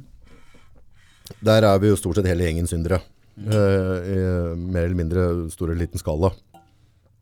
Hvorfor har vi behov? Altså, uh, ego mitt òg vil jeg alltid prøve eh, i lystig lag å, å framstille meg som et bedre menneske enn jeg er, eller at jeg er mer suksess altså, Mm. hva, hva skjer med egoet der? Hvorfor, hvorfor, hvorfor må vi på en måte pynte på sannheten? Hvorfor er vi ikke bra nok som vi er? Åh, det er jo det, er det beste du har spurt om hittil. Og jeg, for alle som hører på denne podkasten her, hvis vi har, hvis vi har avspora, så, er- så er det bare sånn det er med meg. Altså. Hvis jeg ikke har manus, så er det sånn det blir. Så jeg håper jo dere skjønner hva vi har prøvd å få frem, i hvert fall. Men jeg, jeg har funnet, eller for min egen del, så var jo mer sårbare vi er, sant? Jo, jo tungere ting vi opplever jo, i oppveksten, jo mer sårbar føler vi kanskje sjøl at vi er. Og etter hvert som vi blir eldre, så den sårbarheten blir på en måte den største svakheten vår ute i samfunnet, ikke sant? Eller vi føler at den er det. Um, og vi er jo vi er så tilgjengelige hele tida på Facebook, vi, vi legger ut alt, og alt skal være veldig synlig. Så de, de tyngste delene i oss, det er på en måte det mest private vi har. Eh, og vi prøver kanskje å ta vare på det. Og dermed fjerner vi den delen av oss sjøl. Det er bare min ting, ikke sant. Eh, og kanskje mer eller mindre ufrivillig, da, så blir vi så gjør vi oss om til en litt mer sånn kanskje jovial, likende, eh, mer suksessfull. Alt, alle de tingene som du nevnte nå, ikke sant. Fordi at det mest private i oss er det mest sårbare, og jeg tror vi, vi bare Vi er livredd for at folk skal se den delen av oss. Jeg tror det. Ga det noe mening? Skjønner du hva Jeg prøvde å pinpointe meg frem til noe her, men, men jeg, Ja, jeg, jeg, jeg det, er med på den. det er ikke sikkert at vi nødvendigvis med vilje fremstår sånn som du sier at vi med vilje gjør det. Men jeg tror at når vi fjerner de tingene som, som gjør vondt, og de tingene som gjør oss sårbare, så er det det, er det vi står igjen med. Skjønner du? Altså, ja, ja, for det, jeg tror altså den, den eh, største skuffelsene rundt i livet mitt mm, er skuffelsen fra meg sjøl til meg sjøl, mm, for at jeg vet at jeg kunne ha gjort det bedre, jeg kunne ha gjort et bedre valg, jeg kunne ha gjort ting helt annerledes. mm, Jeg hadde evnene og muligheten til å gjøre det, og så har jeg likevel valgt å kanskje ikke gjøre det. mm, Og det er ganske tøft å forholde seg til. Ja. Uh, du kan være skuffa over meg, og det klarer jeg å forholde meg til, men den, der, den sjølskuffelsen mm, om at jeg ikke har levert det, det jeg er i stand til å gjøre, mm, uh, å erkjenne det, mm. det sug hestkuk. Og Nederlags... ja, og da, og da kan du prøve å ljuge deg litt vekk fra det. Altså, Ja. du, du vil ikke være ved det. Nederlags... Det vi jo lærte opp fra vi var liten, at det å tape Det er fotball. Det er det verste som finnes, det å tape, ikke sant. Og vi og jeg tror at vi Det blir indoktrinert i oss, ikke sant. Jeg tror at samfunnet er på tur en annen plass nå, for vi vi, Taperne er jo de egentlige Altså, de er jo like mye vinnere som alle de andre, og alle de her tingene her. Eh, og alle Ja. Og alle de historiene skal fram i lyset, alt skal fram i lyset og sånn. Mens de egentlige tingene som betyr noe, går tapt på veien, tror jeg. Altså, de, enkelthistoriene om hva det gjør med deg, det, det For meg så tror jeg det at i min jobb så, Min historie er ikke noe en og alene. Det, det er tusenvis av mennesker som har opplevd det samme Ja, som ja, meg. Men grunnen til at, eh, til at det funker det jeg gjør, er fordi at det blir fortalt på en sånn måte at folk forstår det. Sant? Folk forstår alvoret i enkelthistorier. Og når man da vet at alle har si historier, men det, det er skremmende, egentlig, fordi at det er så mye fælt som skjer rundt i Norge. Når jeg forteller om de her 5000 brevene, Ja, ja, ja. Det var 5000 forferdelige brev på mange måter. Og jeg satt egentlig med Jeg følte at jeg satt med hele Norge foran meg. Og fy faen så mye fælt det er, som ingen prater om. Eh, VG og Dagbladet, jeg leser ikke de avisene der. Det står om bloggere, det står om alt mulig piss og reklame og alt det her. Og de egentlige tingene som Altså, VG kunne, kunne jo slått opp ett av de brevene hver dag og fortalt den ene historien. For vi trenger å bli hørt, ikke sant. Vi trenger å bli sett for den vi er. Men sant, når jeg møtte deg i dag, jeg kunne lett ha, ha tenkt på deg nå, nå har jeg jo sett litt på det her som du driver med og sånn, så jeg føler du er en rimelig jordnær kar. Men jeg kan tenke meg at en som møter deg, kanskje ser på deg som litt selvgod og litt arrogant, men med en gang du begynner å fortelle litt, lite grann, et flik, sånn som du har gjort til meg i dag, om hva du har opplevd, så får jeg en respekt for deg. Med en gang. Sant? Og det å ta seg tid til å høre på, uansett hvor du møter dem, høre litt. Sant? Jeg kunne bestemt meg for at faen, han der han er jo en selvgod, arrogant faen. Ja, rett og slett en kuk. Ja. Men hvis jeg da Ok, Magnus, det er det du tenker om nå. Spør han Ja. hva du har opplevd i livet ditt. Så forteller du meg. Ikke for at vi skal gjøre det vi gjør nå, men mennesker jeg møter i min hverdag, skjønner du. Hvis vi tar oss tid til å høre litt på enkelthistorier, så kanskje man får et nytt syn på folk. Og vi dømmer jo folk over en lav sko. Vi dømmer dem jo med en gang. Førsteinntrykk. jobber- hun. Den du møter i kassa på Rema, frisøren din, tannlegen din, legen din. Alle. Vi gjør oss noen tanker om hvem de er, og så har vi ikke peiling. Og så blir vi overraska når, når alle de her tingene kommer frem om overgrepssak av politibetjenter, av ordførere. Alt som skjer der ute. Folk vi tror, og vi har respekt for dem, og vi tror, for dem har bestemt akkurat hva du får vite om dem, ikke sant. Eh, og så vet vi egentlig ingenting. Og du kan like gjerne ha ei forferdelig historie som en, ei solskinnshistorie, for den saks skyld. Og kanskje du gjør helt fantastiske ting på ettermiddagstid for eldre. Det gjør sikkert ikke du. Men eh, kanskje du gjør det. Det vet jo ikke jeg før jeg har spurt deg, ikke sant. Og det er jo det jeg tenker, mitt liv dreier seg mye om det. For jeg møter mennesker hver dag, på Kiwi og på Rema og Posten og rundt omkring, som bare forteller meg si historier på tre minutter. Og så føler jeg jo at jeg kjenner dem til en viss grad. Sjuk jobb du har. Ja, det er helt rått. Det er helt rått. Folk har ikke peiling. Erna, da gi en av gubben litt ekstra lønn. Ja. Ja, det er jo det er jo en sånn samfunnsgreie, da. Men også bare, skal du ha litt skryt, da, så tenker jeg at jeg er ganske stolt av å få lov til å være sambygding sammen med deg. Det Så er kult. Ja, det er jævla stas å ha Både meg og Gaute i samme bygd. Ja. Altså, du, bare et sånt sidespørsmål. Ja. For jeg er jo ikke fra Brumund. Men jeg skjønner at folk har et, et veldig sterkt forhold til Gaute. Mhm. Og jeg husker jo han fra jeg bodde i, i Kjøllefjord og så på Idol. Mhm. Og så har jeg jo bodd i Brumunddal et par år nå, og trives uh, helt greit. Ja, ja, ja. det skjer ikke så mye her, og det er egentlig helt greit det òg, på mange måter. Ja. Men må det være Må han åpne alt som skal skje her? Altså, hvis det åpner et nytt hotell, da skal han synge. Hvis, det, hvis den her eh, nye badeplassen utpå her skal åpne, så skal han synge. Jeg skulle bare på dass på Mølle her om dagen, åpna døra, der står han og synger. Altså, skal han åpne alt som er, eller hva er det? Hva er forholdet til Gaute? Hva er det som gjør han så Nei, altså jeg kjenner Gaute litt. Han, Mm. han er noen yngre år eldre enn meg. Eller yngre år eldre, holdt jeg. Yngre, noen år yngre enn meg. Mm. Men Gaute er generelt en veldig sånn likende kar. Mm. Uh, og hvis du prater med ham, så finner han en løsning. Ok. Ja, så Gaute han er, han er øh, down to earth. Jeg, jeg sendte faktisk en sånn uh, Messenger-greie til den her. Ja. Da satt dattera mi på 11 Mm. og sang en eller annen sånn forbanna kjærlighetssang han Gaute har skrevet bak i bilen. tenkte jeg, ok, henne er verda godt den egentlig. Jeg, ja, okay. Jeg husker Gaute litt fra når vi var uh, yngre. eller- Det var, det var et, et sånn hovedgym på Hamar, da, der øh, alle gutta som trente litt uh, hardt. Og Trente. der var Gaute og pumpa, for å si det mildt. Ja, og der, der var jo jeg da, og jeg har jo brukt veldig mye tid på trening Mm. uh, yngre, så jeg var ta dem litt røslige. Mm. Og da husker jeg at han måtte bare stå og vente liksom, alle som veide under 100 kilo, Mm. og det står i hjørnet og venter til vi gutta var ferdige, så vi drev og plaga han litt. Da, ikke ja, okay. ok. det forklarer jo en hel del. Så, så han ble, ble pirka litt på det, men det var veldig kameratslig da. Ja. Ja. Jo, nei, men han har flere gode sanger, altså. Det vil si at Nei, det er- en, det er en trivelig kar, veldig trivelig kar. Ja, Uh, Underpoengtere det, altså. Men altså, det vet, jeg tror han vet det, fordi at han er sikkert den første de ringer til, uansett hva som skal opp. Det virker sånn, i ja, ja, ja, det må nok være etter, jeg Når du sier det, så, så er han ganske jevn der. Så, Han var jo på langtur her for to uker siden. Da, en av de få gangene han ikke har spilt her i Brumunddal, tror jeg, de siste par Da var han på langtur, da var han i Moelv. Ja. Så da var han på ut- utfart. Ja. Utfart, utfart. Men jeg, i løpet av de to årene Jeg har hørt For jeg bor jo i sentrum. Jeg har kjøpt flott leilighet i sentrum her og sånn. Åssen er naboen din egentlig? Du, det er- du- velger, du, velger du liksom Vet du den hva, du jeg står nær? jeg, vet du hva, jeg fikk ei melding. Kjære, jeg er det det en kransekake og krumkake på gang? Det er det. Fysj, men, men jeg er veldig hyggelig da. Magnus! Når jeg har bursdag, så da lager jeg kake, og så gir jeg til naboene mine. Ja. Tenk på det.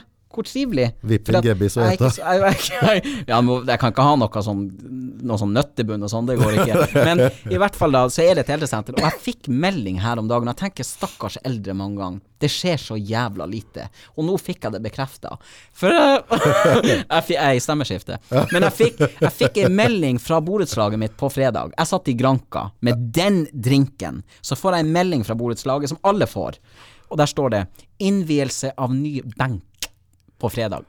Altså innvielse av ny benk, da skjer det lite. Da skjer det lite. Kom og sett! Kom og det, og er, sitt. det er en benk, og de inviterer 100 av beboerne. Skal resten stå? Altså hva Ja. Nei, Mm. Men, men samtidig så er jo det et tegn på at de har fatta noe. For hvis det skjer veldig lite i livet, så lager de bare Hurra, hurra, ny benk! Mm. dette er en benk, Nå blir det altså. fyrstkake og kaffe. Du, det var ikke Jo, det var kanskje fyrstekake, men det går mye Mor Monsen der oppe. Det har jeg sett. Hva for noe? Mor Monsen. Jeg har ikke spist det sjøl. Sånn Jeg jeg tror det folk har Kjeks, eller er? Jeg har ikke peiling. Jeg tror de har mange eldre tror jeg har frosset ned under krigen, og Aha. fortsatt så går det De tar frem en del matvarer enda, Ja. som ikke ble spist under krigen. så det går mye mormonsen og sånn. Men jeg ser jo at de eldre For vi, vi av, av og til så ser, i hvert fall jeg ser på eldre, og så tenker jeg jeg lurer på hva de egentlig driver med. Sånn, Hva er det de egentlig, hva fyller de dagene sine med, og sånn. Og det jeg har merka, er at de drar veldig ut på masse småting. Sant? Hvis, du, hvis du spør dem, eksempel bankåpning. uh, Da, da, Klassisk tilfelle av Klassi aktivitet. klassisk Klassisk, tilfelle, ja. Og da ser jeg jo at de kommer, vet du, som horder og møtes midt på gårdsplassen. Men de, de springer ikke. De drar ut tida. Nei, de drar ut tida. Det skal ta lang tid. Hvis jeg sier hei til en i borettslaget sitt Hei, Vigdis, for eksempel. Hvis det er det hun heter. Hei, Vigdis.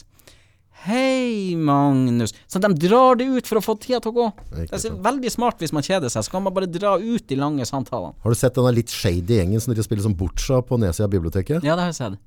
Jeg kunne egentlig tenkt meg å samle en gruppe og utføre dem, for jeg tror de kaller seg Turgjengen. Eh, Jeg var i, i dialog med dem eh, i, i fjor. Ja. Og Turgjengen, det, er altså, det var egentlig i en annen, litt større gruppe. Okay. Og så var det noe uenighet om turvalga. Så det er, altså jeg tror noen av dem som spiller bortsett er rett og slett en sånn utbrytergruppe okay. av en annen, så de kaller seg da Turgjengen. Eh, tar spillet svært høytidelig. Ja.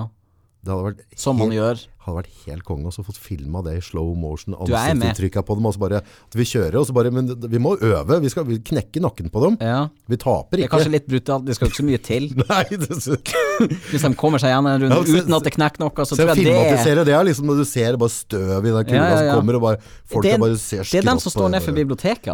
ja. akkurat. ja Du kødder ikke med dem? Nei, det ser ikke sånn ut. Nei. De Jeg tror tror de har egen Facebook-gruppe, faktisk. Sier du det, ja? Å ja. Da, det er bare å følge den for eh, nyheter og event. Ja. Ja. men, men altså, Brumunddal Jeg bruker å si når folk spør meg hva er det med Brumunddal Brumunddal er på mange måter byen som ikke vil bli by. Altså Det virker som at vi vil, Ja. ha, vi vil ha kulturhus hit, sånn som jeg som jobber med kulturliv. Ja. Jeg er forferdelig skuffa over Jeg vet Morgan Sulele, han var her og hadde konsert i fjor eller et eller annet. Det var ikke én plakat i Brumunddal. Ikke én plakat om at Morgan Sulele, partykongen Morgan Sulele Hvem er det? Ja, eh, høyt, høyt over Oslo. Han har jo mange kjente låter, og kanskje enda flere ukjente, men du har, hvis du er på fest, så kan du ta deg gift på at Morgan Sulele har en av de låtene. Det er litt sånn Staysman-aktige greier. Um, og han spilte i, i em, på Kulturhuset her i Brumunddal. Ja. Altså det, jeg vet ikke om det er kulturhus, men i hvert fall den lille den, Hotellet. Ja. oppi der, ved, kultur, ved kommunehuset. Og det var elleve stykker. Og det her er en som sikkert kunne fylt Spektrum. Sånn at det virker for meg Overdriver du nå? Er det Kjøllefjord, liksom? Nei, nei, nei. Nei, nei. That's it. Altså, det er fakta. Bare spør produsenten din, holdt på å si. Ja.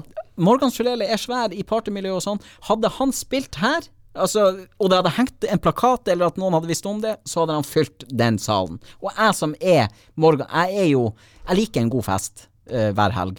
Og hadde jeg visst Jeg hadde jo stilt opp mannsterk, bare meg, Ja, ja, for å synge og, og, steke og i det hele tatt. Til og, jeg, til og med jeg visste ikke, og det her er jo naboblokka. Så det virker for meg som at Brumunddal ja, vi vil ha kulturhus, vi vil ha at masse skal skje. Tømmerstokken. Jeg var på Tømmerstokken hele helga. Prata med folk. Eh, jeg er ikke den som går ut på ting. Det må jeg bare si. Jeg er ikke den som går ut på ting. Eh, men jeg var på Tømmerstokken fordi at jeg ville gjerne Jeg vet at jeg er en del av kulturlivet i Brumunddal. Ja, ja. Sånn at jeg følte det er litt sånn pliktig å dukke opp der og sånn. Og det gjorde jeg. Prata med masse folk som var skuffa over artistene, som var skuffa over Men det er ikke det det handler om. Det er ikke nødvendigvis nivået på musikken det dreier seg om. Det er at vi som en liten plass på Innlandet møtes og prates og har dialog med hverandre. Ikke sant? Mm. Jeg knøt masse kontakter eh, i Brumunddal. Folk som blir Altså, og da snakker jeg om profesjonelt, selvfølgelig. Men man kan møte der, man kan bli kjent med folk. Man kan, sant? Det er jo mange flere ting enn bare artistene. Når jeg så på Facebook i etterkant av Tømmerstokk, faen og folk klaga. Veldig få som gikk inn og sa så fantastisk at Admiral P eh, er under teltet i lille Brumunddal, ikke sant, og, og har et helsikas bra show. Det er jo internasjonal kvalitet på de her. Alphaville, de var der og sang Forever Young. Altså hvor Altså, det var så dårlig, det her var så, Ja. Ja, jeg, var faktisk og så på, for jeg tenkte altfor det var, jeg, da min grønn ungdom, jeg hørte ja. noen sangen og greier. Utrolig kjedelig konsert, jeg må bare si det. Men det er noe Ja, altså, han, sang, han sang jo for faen falskt. Ja, det var ikke noe Og så pent. han derre lydteknikeren må bare nappe ned altså, Ja. jeg, jeg hadde, altså, det, det pep i øra mine etterpå. Mm. Men- det, var, her- det var, altså, så tenkte jeg, jeg betalte 700 kroner for å gå inn og se på det der. Tenkte jeg til helvete heller, jeg skal i hvert fall høre den greia der. Ja. Så ble jeg stående og pines Ja. gjennom. Så jeg, jeg bena fløg så bort, det bar meg ut igjen, altså. Her kommer litt forskjellen på meg og deg, da. Bitte lite grann. For jeg, jeg, jeg, det er min hjerne som alltid tenker uavkort på det positive. Selvfølgelig, jeg er helt enig med deg. At det var forferdelig lyd. Men, men jeg har ikke tenkt på det på den måten din med det å samle folk. For meg så er det, Det er en festival. det, er, det, det, er det som er viktigste. Det er, var, det var like mange folk i Brumunddal som som det bor på min hjemplass. På, un, altså, på en bitte liten del i Brumunddal. Her er masse muligheter å bli kjent med folk, knytte kontakter. Eh, masse gründere i Mm. Brumunddal, ikke sant. Her er masse muligheter. Men, men det virker på meg som at uh, Brumunddal Det har vært ei bygd, og mange vil at det fortsatt skal være ei bygd. og det, det, og det skal jo på en måte ta hensyn til når jeg går sitter og sutrer om det, så, så er det sinnssykt mye mennesker som har lagt ned vanvittig mye tanker Ja. og tid og energi. Og, Du og vet hva en gründer tenker, og at Ja, fy faen, det har vært mye arbeid, altså. For å få dette de til å funke, og så skal jeg sitte mip, mip, Det tar to sekunder å si at lydteknikken skulle vært skifta ut. Ja, ja, og så er Og så tenker jeg, se på alt det her som funker. Jeg trenger ikke å skifte, bare skru den ned litt, så jeg ikke får vondt i øret. Tenk, tenk Admiral P, for Ja. eksempel, hvor mange tilbud han har, og så velger han å komme til Brumunddal og spille her. Altså, jeg, jeg for min del, jeg bare tenker Det er jo lett å få Gaute dit, for han er jo her. Men å få de her, som, som er nasjonale helter og nasjonalskatter, som kommer hit, stiller seg under teltet her i Brumunddal og synger, jeg syns at ja, vi kan nok sikkert flikke på veldig mye, Mm. men å gi dem kred, det skal de absolutt ha. Og nå ser jeg jo at uh, Tømmerstokk står i fare. Mm. De står i fare. Blir, det no, blir det igjen? Og for meg som ikke er fra Brumunddal, som er tilflytta, syns det er utrolig trist. Klart det. Jeg synes det, det, er- det er tap, det. det er et kjempetap. Se på Hamar musikkfestival. Den, kanskje en av, som kunne blitt en av de største og beste musikkfestivalene i Norge. Mm. Det ble bare en liten fest i bakgården på Gregers før det ble avslutta og avvikla. Forferdelig synd. Mm. Altså, og her Kommunen har et stort ansvar, og jeg har sjøl hatt forestillinga mi her i Brumunddal, eh, i Kulturhuset. Samme arena som Morgan Sulele. Det var flere på mitt foredragsshow enn det var på Morgan Solele. Og det synes, Altså, det er jo greit for meg, Ja. men, men det er trist at um, at ikke kommunen egentlig er mer synlig og villig til å ja, til å spre det glade budskap. Mm. For det skjer mye bra, og vi er, det er mye bra folk i Brumunddal, syns jeg. Og jeg snakker jo med mange av dem. det. Jeg har jo kjent Brumunddal og Ringsaker i, i mange år. Jeg er jo 42 nå. Og du er såpass, ja? Ja, det er ja, ja, ja. Ser bare så jævla ung ut. Ja, det det. Hun, altså hun kjøpte, eller tok en sånn der face-app, skulle få det til å bli gammel. Tok av bilder med Lion. Så yngre ut. Den er kjip. Jeg gjorde, Gjorde det, ja. Du så ikke det heller. Det eneste som var gjort, var å lage litt så grå i skjegg. Hår. Litt- Litt grått hår. Nei, hår hadde jeg ikke, men det var litt grå i skjegg, og så var liksom litt mer gråtone. Det, det var ingen forandring. Det er litt kjipt. Og så så jeg en annen kompis som er faktisk eldre enn meg, Mm. som la ut den der, og han var brålik meg i dag. Wow. Det, det, her blir henstilling. Bare gi faen i den der appen. det- Ja, det kommer til å gå utover selvtilliten din. Mobbing, Ja, det det det dette. Dette er mobbing i min, min bok. Det er det. Ja. Nei, ja, Ringsaker. Mm. Det som har skjedd i Ringsaker, føler jeg personlig, uh, er at Ringsaker har blitt en kommune med en vinnermentalitet, Mm. Som har større hjerterom for nettopp sånne gubber som deg, blant annet. Mm. At vi tåler mer. Tidligere Mm. så stakk det ut, så var det nok litt tøffere. Ja. Uh, den mengden positive ting vi har fått etter vi, vi, vi i har drevet her, det har liksom vært sånn på, på, på bekken til å være rørende. Mm. Uh, og så tenker jeg at når du har så mange som tør, Mm. uh, det kan være deg, det du driver med, Mm. Uh, og da går vi vekk ifra det du gjør for dem uh, som med mental helse og sånne ting, Mm, mm, men at du følger drømmene dine og gjør det. mm, Det gjør nettopp at kanskje jeg, da, hvis jeg ønsker å holde et foredrag, mm. kan også tenke at ja, men da kan jeg tørre òg, Mm. hvis han har tørt. Ja. Uh, og der har vi fått en eller annen sånn synergieffekt i Brumunddal. For det, Det er noe helt sjukt mye gründere Ja. som tør å starte, Ja. og som får det til. ja. Og det kjenner jeg at jeg er skikkelig stolt av. For jeg føler at jeg er en, en kommune som er liksom bare oppe og nikker. Jeg har eh, bodd i Hamar, jeg har bodd i Gjøvik, og jeg har bodd på Lillehammer og på Øyer. Jeg har bodd langs hele Mjøsa. Og eh, jeg må bare, bare sånn veldig kort gi eh, Samme som deg, gi kred til Brumunddal og Hamar Ja. for det de gjør. Og det er jo en utvikling som har på rekordtid Vi knuser Lillehammer og Gjøvik på kulturliv, på fasade, på veldig mange. Det er, det er trivelig. Ja. Det er rett og slett blitt veldig trivelig å være på denne sida av Mjøsa. Eh, og nede i områdene her. Og når jeg skulle velge mellom eh, å bo i Brumunddal eller i Hamar, så valgte jeg Brumunddal, for Brumunddal er trivelig. Det er en trivelig plass, og det bor masse folk. Det bor jo mer folk enn man egentlig skulle tro. For når du kommer inn til Brumunddal, eller når du kommer over eh, Bergshøgda, det ser jo ikke ut som det bor noen her. Det ser bare ut som det tårnet som vi sitter i nå, ikke sant. Så kommer du ned, og så er det jo Det er jo yrende folkeliv her nede. Det det. Så jeg foreslår jo at kommunen går inn med litt flere parkeringsplasser. Parkering. Bare sånn for å avspore enda litt til. Det, vi, vi, altså, Det kom fra han som ikke har tatt lappen. Ja, det, og det sier ikke så rent lite. Du, vet du hva? Og det her har jeg faktisk snappa litt om. Eh, fordi at vi har jo Norges farligste eh, parkeringsplass ved Kiwi. Den er livsfarlig. Ja, med gangfeltet rett over, og folk skal ja, ja, Helt korrekt. Altså, helt- ja. Mm, at ikke det skjer flere ulykker enn det det gjør. Det er, det er livsfarlig. Men nå skal ikke vi jeg, nå, avsporer jo totalt. Jeg bare vil understreke at der må det gjøres et eller annet. Et eller annet. Uh, apropos bank i skuldra og skryt. Uh, Heidi Karlsen og um, Tor Rugstad i eh, Næring, Mm. Ringsaker, Ringsaker Vekst, Mm. uh, de har vært helt unike for oss. Mm. Eh, litt sånn nesten rørende og, og, og pro de har vært, Mm. eh, med både tips og råd, og, og du kan søke støtter til uh, Ringsaker Vekst annet. Mm. Så de har det er tøft. Det, det, gjelder, det gjelder å sende kreden dit den eh, Hører hjemme. hører hjemme, ja. Og vi snakka her i sted om det her med priser. Ja, og det, alt det her. Og jeg vet ikke med deg, men vi, vi så Hvilken pris er det jeg skal få? Nei, nei, nei. nei da. Jeg- det- jeg- jeg- Ja, du kan få en pris, men Tror du ikke vi alle eh, som jobber med, med I hvert fall i det offentlige, Mm. eh, og som gjerne tar litt mer plass enn mange andre Mm. Jeg tar jo mye mer plass enn jeg egentlig burde i forhold til å være 1,62 høy. Men har, har man ikke alle forberedt en eller annen gang en takketale, hvis, hvis man skal takke noen? Har ikke du gjort det? Hvi- Hvis du hadde fått en pris nå, eksempel eh, Gründerprisen 2019 hadde gått til deg, hvem, hvem skulle du takka? Nei, det er kollegaene mine, for uten dem så hadde jeg ikke vært der. Men, men Og uten meg så hadde ikke dem vært der heller. Så det er en sånn, eh, det en vinn-vinn-situasjon der. mm, Men uh, hvis jeg skulle hatt en pris, det jeg kunne tenkt meg er at vi, at vi i våres yrke, virke, uh, får produsere et eller annet som får en pris en dag, mm, og jeg kunne ta med kollegaene mine mm, og latt dem gå først foran på rød løper, og fått den hederen og æren du fortjener å få. mm, For jeg har, jeg har de råeste folka. mm. Det var, veldig, var litt klisjé over akkurat den der, hvis jeg skal være helt ærlig. Jeg tror ikke helt på det, men det er greit. Nei, dette er Skal du grine? skal du, skal, Nei, overhodet ikke. Men skal du høre min takketale? Ja, få høre. Ok, da er jeg klar. Kjør! Nei, men det her blir jo veldig Det her blir jo bare enda dummere, fordi at Ja, nå har jeg vært vettu. Med når du jeg skryter her? Nei, altså, det er det som er at jeg, kan, jeg, jeg finner jo faen ingen å takke.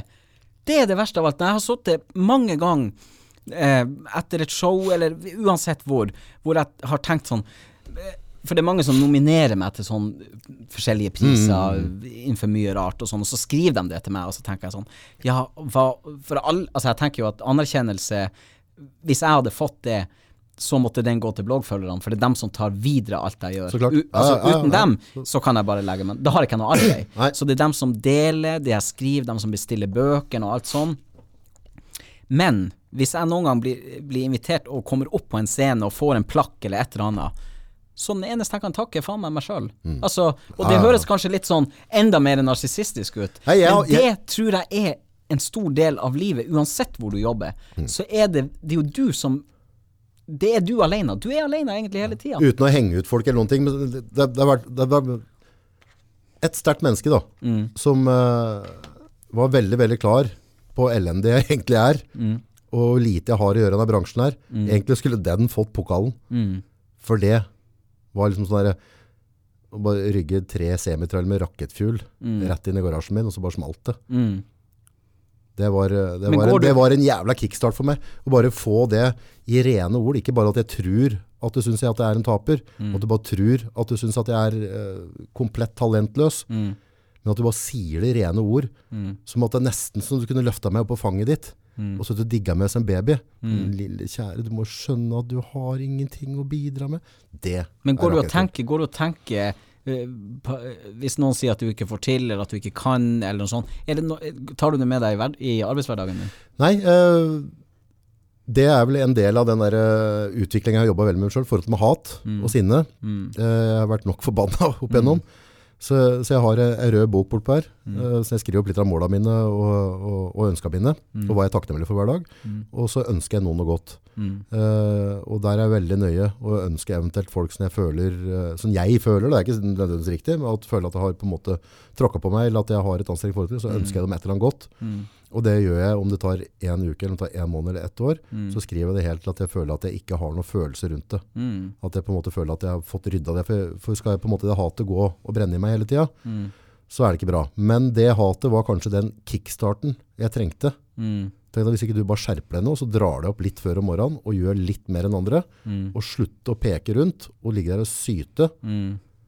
Det er jo den så blir jeg det. Selv, selvmedlidenhet er jo liksom Det er jo, den, det er jo fiende nummer én uansett, Skal jeg, liksom. skal jeg bare høre på følelsen min, så blir jeg det den personen Ja. sier at jeg er. Ja. Og det finner jeg meg faen ikke i. Nei. Glem det. Hun, Så eh, der, der, der, eh, der, eh, skulle jeg egentlig vært en sånn takketale. Ja, det, nå begynner det å ligne mer på en takketale, skal jeg være takk ærlig. skal du faen meg ha. Ja, Det hadde vært jævla Tenk tenk hvis du hadde råd å bare navngitt og bare kjørt på skikkelig. Ja, tenk å tort det. Men vet du hva, rektoren min sa til, til meg og mamma Vi måtte, måtte på kontoret til rektoren, jeg var i tiende klasse. Så, så peker rektoren på meg, og så sier han eh, Eller så sier hun mamma, da.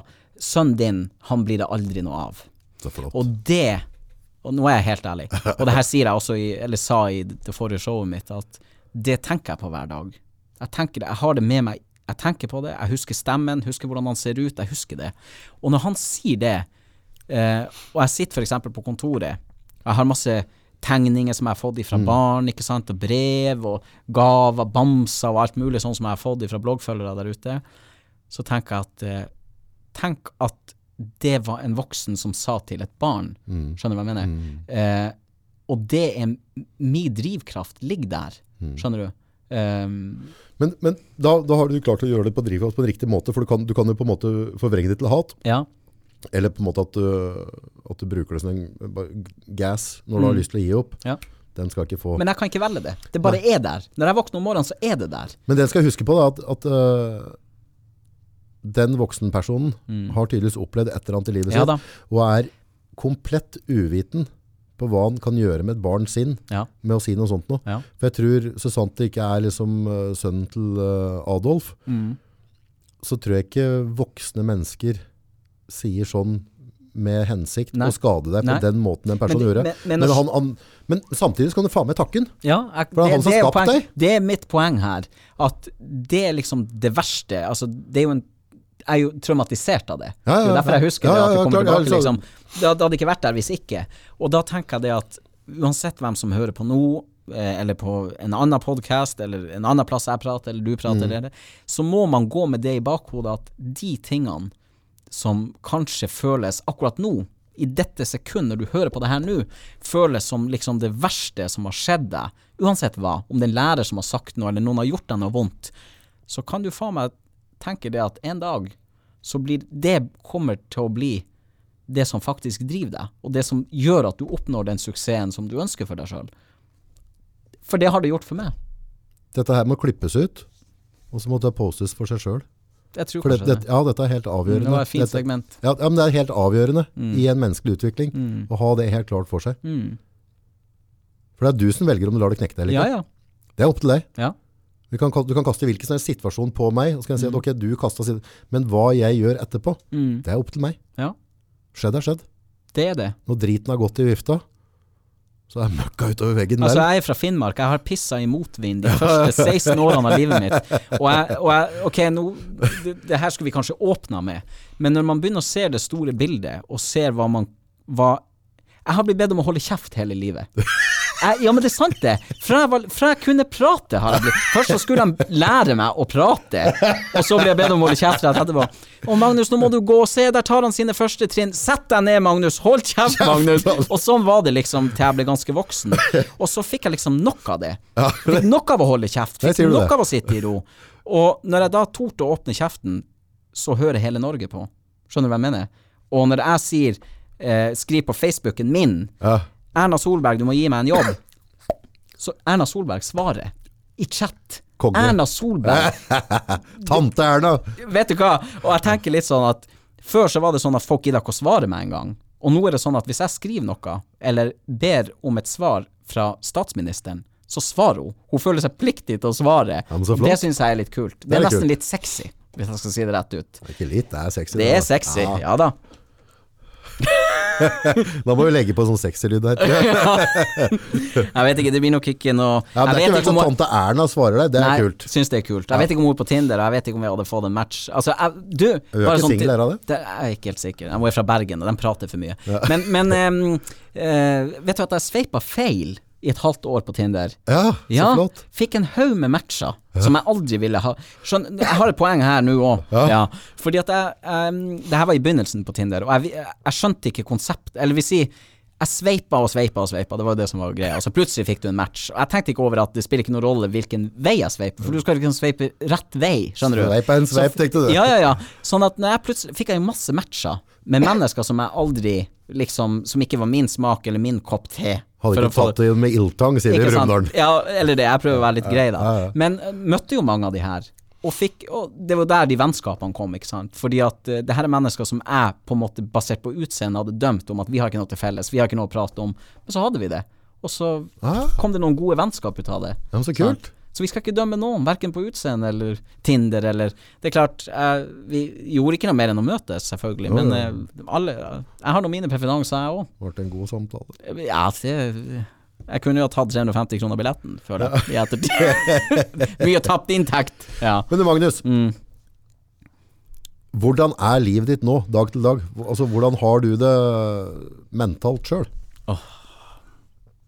Eh, hvis jeg kan Ikke noe grining nå, altså. Nei, nei, nei, det er ikke noe grining. Vet du jeg har det veldig bra. Du har det bra? Jeg, jeg har det bra. Jeg har funnet en ro i livet mitt som, jeg, som jeg Jeg vet hvordan jeg skal hente meg inn, hvordan jeg skal slappe av.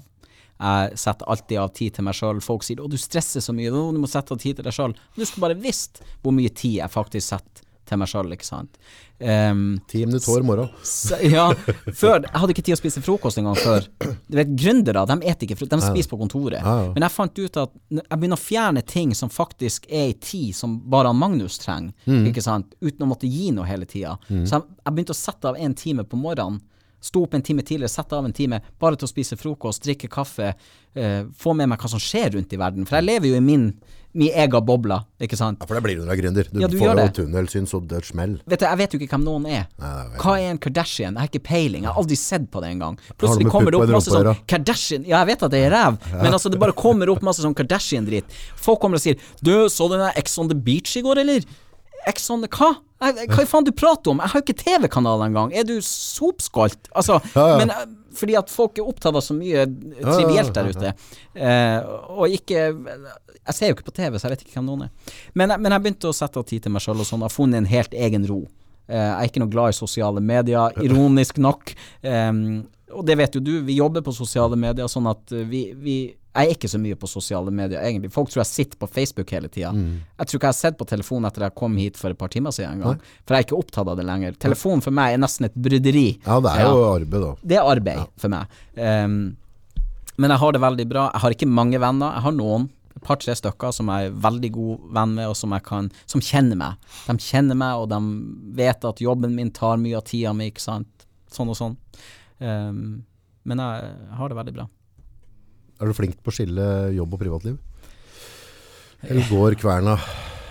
Nei, jeg Som sagt, vi begynte jo med å prate om det her at det er bare én Magnus. Det er ikke en jobb og privat-Magnus. Han er samme person, og jeg føler at det må være sånn. Um, hvis jeg, hvis jeg, for jeg tror at det hadde gått utover nattesøvnen min hvis jeg skulle, hvis jeg skulle ha laga en persona offentlig, ikke sant. Uh, når vi skrur av de her mikrofonene, så kommer ikke jeg til å prate noe annerledes til deg, du. Nei, men takken er sånn hvis jeg er et bursdagslag, da. Mm. Og så, og så prøver jeg liksom å skjerpe meg, for jeg vet at uh, for, for de vennene jeg har, da, Mm. så blir jeg forferdelig uinteressant, for jeg har jo veldig tunnelsyn på hvor, Mm. hvor vi skal hen. Uh, og hvis noen da spør, hvordan går det, eller ditt og datt, og hvis jeg da plapper av mine går på meg, så kvikner på en måte selgeren inn, og så begynner jeg å kjøre på. Jeg sier 'hør på podden min', Ja. hvis han spør 'hvordan går det, Magnus'? Hør på podden min. Ja, det er fornuftig. Ja, nei, for, det, for det er ikke bra, så jeg, jeg, jeg, jeg har tatt, tatt, tatt oppgjør med meg selv på Ja. det, for det er ikke bra. Nei. Altså, hvis jeg er i bursdagslaget ditt, så skal jeg ha interesse av deg, Mm. ikke mela mi egen kake om, eh, om hverdagen min, som er så forbanna viktig for meg. Men, men den delen av jobben er jo fortsatt av Magnus. Altså, jeg er jo, hvis jeg kan bruke en sånn tittel, da, jeg er jo kunstner. Ja, ja. Og kunstner Magnus, han er ferdig på jobb klokka fire. Ja. Eh, selv om jeg har Jeg noterer alltid ned ting, personer, situasjoner som ofte blir video eller Ja, ja. tekst eller noe sånt. Eh, men han Magnus på den måten går av jobb klokka fire, kanskje, og gjerne er kanskje på jobb igjen klokka fem. Hvem vet? Kommer an på hva som skjer. Men, eh, men jeg, jeg er nok litt kanskje som deg. Jeg tror at man, man skaffer seg en, en rutine på det, Mm. hvor at når du går hjem så Altså I begynnelsen så kan det ikke være sånn, da er du på jobb 24-7, Mm. men etter hvert som bedriften og alt Går seg til. går seg til, så er det lettere å elte igjen han Magnus, kunstner-Magnus hjemme, eh, og bare være Ja, for det er ganske tøft. For Ja, jeg kan tøft. sitte og prate med dattera mi, og hun skal fortelle åssen dag jeg har hatt i barnehagen. Og så går samtidig kverna svirrer om et eller annet jeg opplevde på jobb rett før jeg drog, eller en mail, et eller annet må respondere til, Ja. et eller annet må ta tak i. eh, og klare å, å få liksom stoppa den, Ja. og være i nuet. For det er jo ikke noe som er mer viktigere for meg enn familien min. Nei. Eh, og jeg har jo vært så Ja, jeg har fått to dritkule døtre. Mm. Så jeg er jo knallheldig. Jeg har to onkelunger, og jeg, jeg føler på det du sier nå, for jeg er ikke barn sjøl. Jeg ønska meg barn i mange år, men det har ikke vært tid til det. Hvis jeg kan være ærlig, det har ikke vært tid til det. Det som du Jobb, litt, jobben har jo vært tid til. Ja, du har men selv prøvd. unger Ja, ja, er gal, jeg har prøvd. Men eh, så jeg har lagt Jeg håper neste gang eh, det skjer, at det bare skjer med en gang. Fordi jeg har lagt så mye jobb. Jeg har allerede gjort grov Jeg har gjort grovarbeidet. Men i hvert fall ehm, da er jeg virkelig i nuet når jeg er sammen med dem. Ehm, ikke noe telefon, ikke noe PC, ingenting. Så bra. Bra Og det, og det å være til stede i sitt eget liv, uansett hva du gjør og jobber med, er jo det viktigste. Fordi at jobben er en jobb. Ja. Sant? Den skal skaffe deg mat på bordet, og den skal skaffe deg uh, litt selvrealisering og sånne ting. Men livet er jo hver dag. Hele tida. Mm. Gjennom hele dagen. Um, og det er fint. Og livet er fint. Det er fint. Skulle ønske at uh, Jeg har sett deg litt på Facebook og Insta og sånne ting, men Mm. uh, jeg skulle ønske at uh, flere folk som ikke følger deg Mm. per i dag, hadde fått lov til å hilse på den sida jeg hilser på deg i dag. Mm. For da tror jeg veldig veldig mange flere hadde kommet til å følge deg. Nå har det forferdelig mange som følger deg allerede, Mm. men du, har absolutt, du har absolutt noe å bidra med. Så det er bra. Jeg, jeg, jeg tror Eller når folk sier Magnus, hva, er- hva er egentlig denne jobben din? Hva er, det, hva er denne Facebook-sida? For det er veldig mye rart der inne. Det er mye forskjellig tematikk. Det er mye Det er som det, det er mitt liv. Det er mitt kaos. Det er min verden folk kommer inn til der. Um, og jeg vil bare skaffe en, et, et samlingspunkt for alle som trenger å bli hørt, for alle som trenger å bli sett. Og det tror jeg at jeg har klart, Mm. faktisk. Og jeg tror at uh, jeg er bare helt i starten på det jeg skal drive. Nå kommer det jo et standup-show til høsten. Konge, konge. I Brumunddal. Er, I Eh, Brumunddal? ja. Dato og klokkeslett, er du snill? Nei, kommer, det kommer i august-september, kommer datoene og alt. Så da blir det slipp på meg som standup. Da får du gi lyd, så skal vi være med og dele. Ja, det blir veldig trivelig. Jeg håper jo at veldig mange kommer i Brumunddal. Ja, det bør de for faen gjøre. Jeg vet ikke om er det noen andre standup-komikere fra Brumunddal? Bortsett fra Gaute, da. Men eh, Ja, nå snakker jeg jo bare om tekstene Ja, vi har en Pål nede på, på mm, Maskinrommet. Nor- Norvik. Eiendomsmegler i tredje etasje her. Er han standup? Ja, han skal inn og, og preike i Oslo. Sier du det? Ja. Jeg må vi bare ønske han lykke til. Oh, ja, han, uh... Han får snart konkurranse. Da er vi snart to er standup-artister. Men jeg skal jo gjøre noe som ingen andre har gjort før. Jeg skal, når du kommer inn på mitt standup-show, det eneste som er på scenen, er en stum tjener og en dress. Ja. Så kommer jeg naken på scenen. Naken klær- som med stor N, eller? Helt peise naken, og så kler jeg på meg foran publikum. Fordi at jeg har i mange år snakket Blir det om selv... aldersgrense jeg regner med, da? 18. 18. Ja. Så du kommer naken inn? ja, er det også- lov? Altså, Og så oppfordrer jeg folk til å har du pratet med Anita om det? Ordføreren? Er det greit, liksom? Jeg- Hun har jo venta på å se meg naken i flere år siden. Men i, i hvert fall er så, er, så er det fordi Grunnen til det er fordi at uh, jeg har snakka veldig mye om selvbilde, selvtillit og alt det her, og det handler ikke om kropp. Sant? Det, ja, det, og du vet like godt som meg, du er mann. Du er ikke mann før du er naken. Da er du mann. Når du tør å være naken, så er du mann. For vi, vi mannfolk, vi har ikke så mye. Sant? Kvinnfolk har litt mer ting å passe på enn det. Vi, vi har bare én ting å passe på. Ja. kjeften. Er ikke det det? Ja. Så, så jeg skal bare vise folk at eh, med å gjøre det her, så mer ærlig og nakent blir det ikke. Det Nei, nei, nei, du får ikke. Du, du får ikke mer Magnus. Mer Magnus, så må du få innvoller. Så du får hele Magnus, og jeg oppfordrer deg til å ta bilde, ha en nudes av meg på telefonen hvis du vil, gjerne del den. Pff, spiller ikke noen rolle for meg. Han, du, nå dro du den gode dickpic Ja, det blir en opp, opp, på, Det opp blir i en nye høyder. Ja, men altså det er fordi at folk der ute skal skjønne at det betyr ingenting. Hvordan du ser ut, alt det her, det betyr ingenting. Folk, folk Det er så jævlig mye i meg som vil ønske å fraråde dette her, men samtidig så er det så forbanna riktig. Jeg tror kanskje hun bestemor òg vil fraråde det, men, men jeg gjør det Gud for skapte deg! Vet du, jeg, gjør Hva det for, gjør du? jeg gjør det for alle der ute som har sendt et bilde av seg sjøl som har blitt misbrukt i sosiale medier. Gjør det for Jeg- alle der ute! jeg du er pervers, jo, mann! Nei, jeg, Blotting! Jeg, ja, det er blotting. Men det er noe med at de, dem som kommer etter oss, dem som kommer etter oss, kan kanskje tenke med seg sjøl at vet du hva, ok, så er det et bilde av meg der ute som har vært misbrukt, eller som folk har sett på, eller et eller annet sånn, men jeg skal bare Det handler ikke om det. Vi er som vi er. Vi er sånn som Gud Fy har faen, skapt det er den beste blotteforklaringen jeg har hørt noen gang i hele mitt liv. Jeg har en skjult eh, Jeg har en skjult blotte. Tenk å klare å finsnakke Blotting. blotting! Ja, der skjønner du. Jeg er en god, jeg er en god salg, salgsmann. Ja, salgsmann! Det var han med den lille stemmen, var det ikke det det, det var? Men jeg har snakka veldig Nei, jeg er helt konge. Dette, dette står det respekt av. Ja, jeg vet ikke om det står, det står, men, men- eh, nei, vi får ikke håpe det.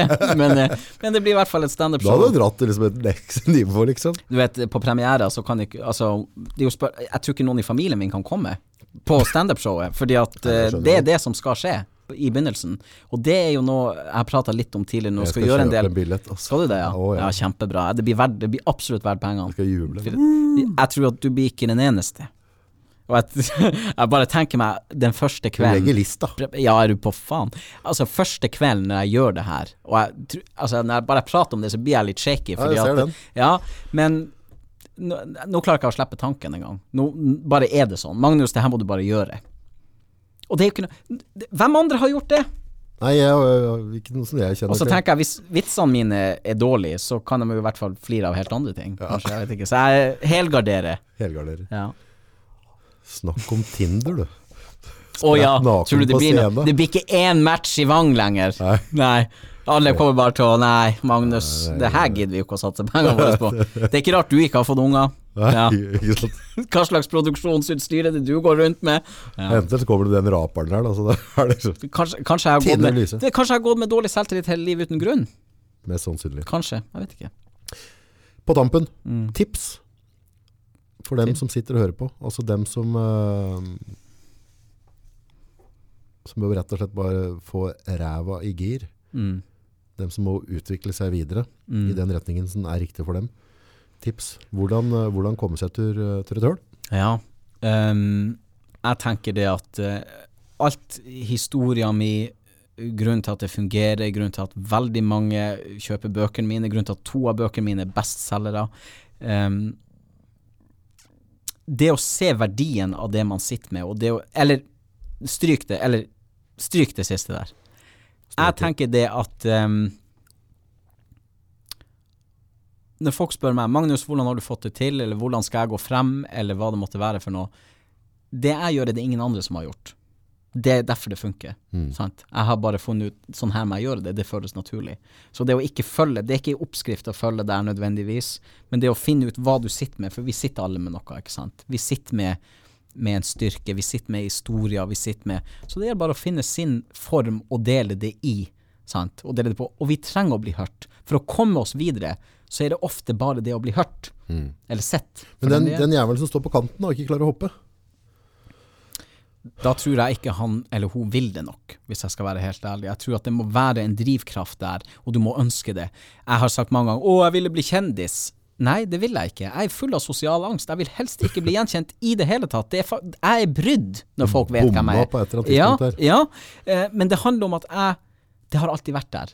Jeg har hatt kamera siden jeg var åtte. Jeg sto på scenen med Jahn Teigen da jeg var fire. Jeg begynte å danse Michael Jackson før jeg hørte hjulene på bussen. Sant? Det har alltid vært meg. Det du ser i sosiale medier, det du leser i bøkene, på showene mine, det er Magnus. Det har det alltid vært. Sant? Så det er ikke noe 'Å, sosiale medier kom, da må jeg lage video og legge ut'. Det var ikke sånn det var. Det har alltid vært der. Det er det som er av Magnus, ikke sant. Og alle må finne sin form. Ikke lev noen For veldig mange drømmer jo om de her tingene fordi at de, gode, de tjener penger på det, blir gjenkjent på gata, alle de her tingene. Hvis ikke det er din drøm, så er det faen ikke det du skal drive med. Kanskje du skal drive et gravefirma. Kanskje du skal jobbe på Rema 1000 eller Kiwi. Kanskje det, kanskje det er der du hører hjemme. Og vi kan alle skape magi der vi jobber.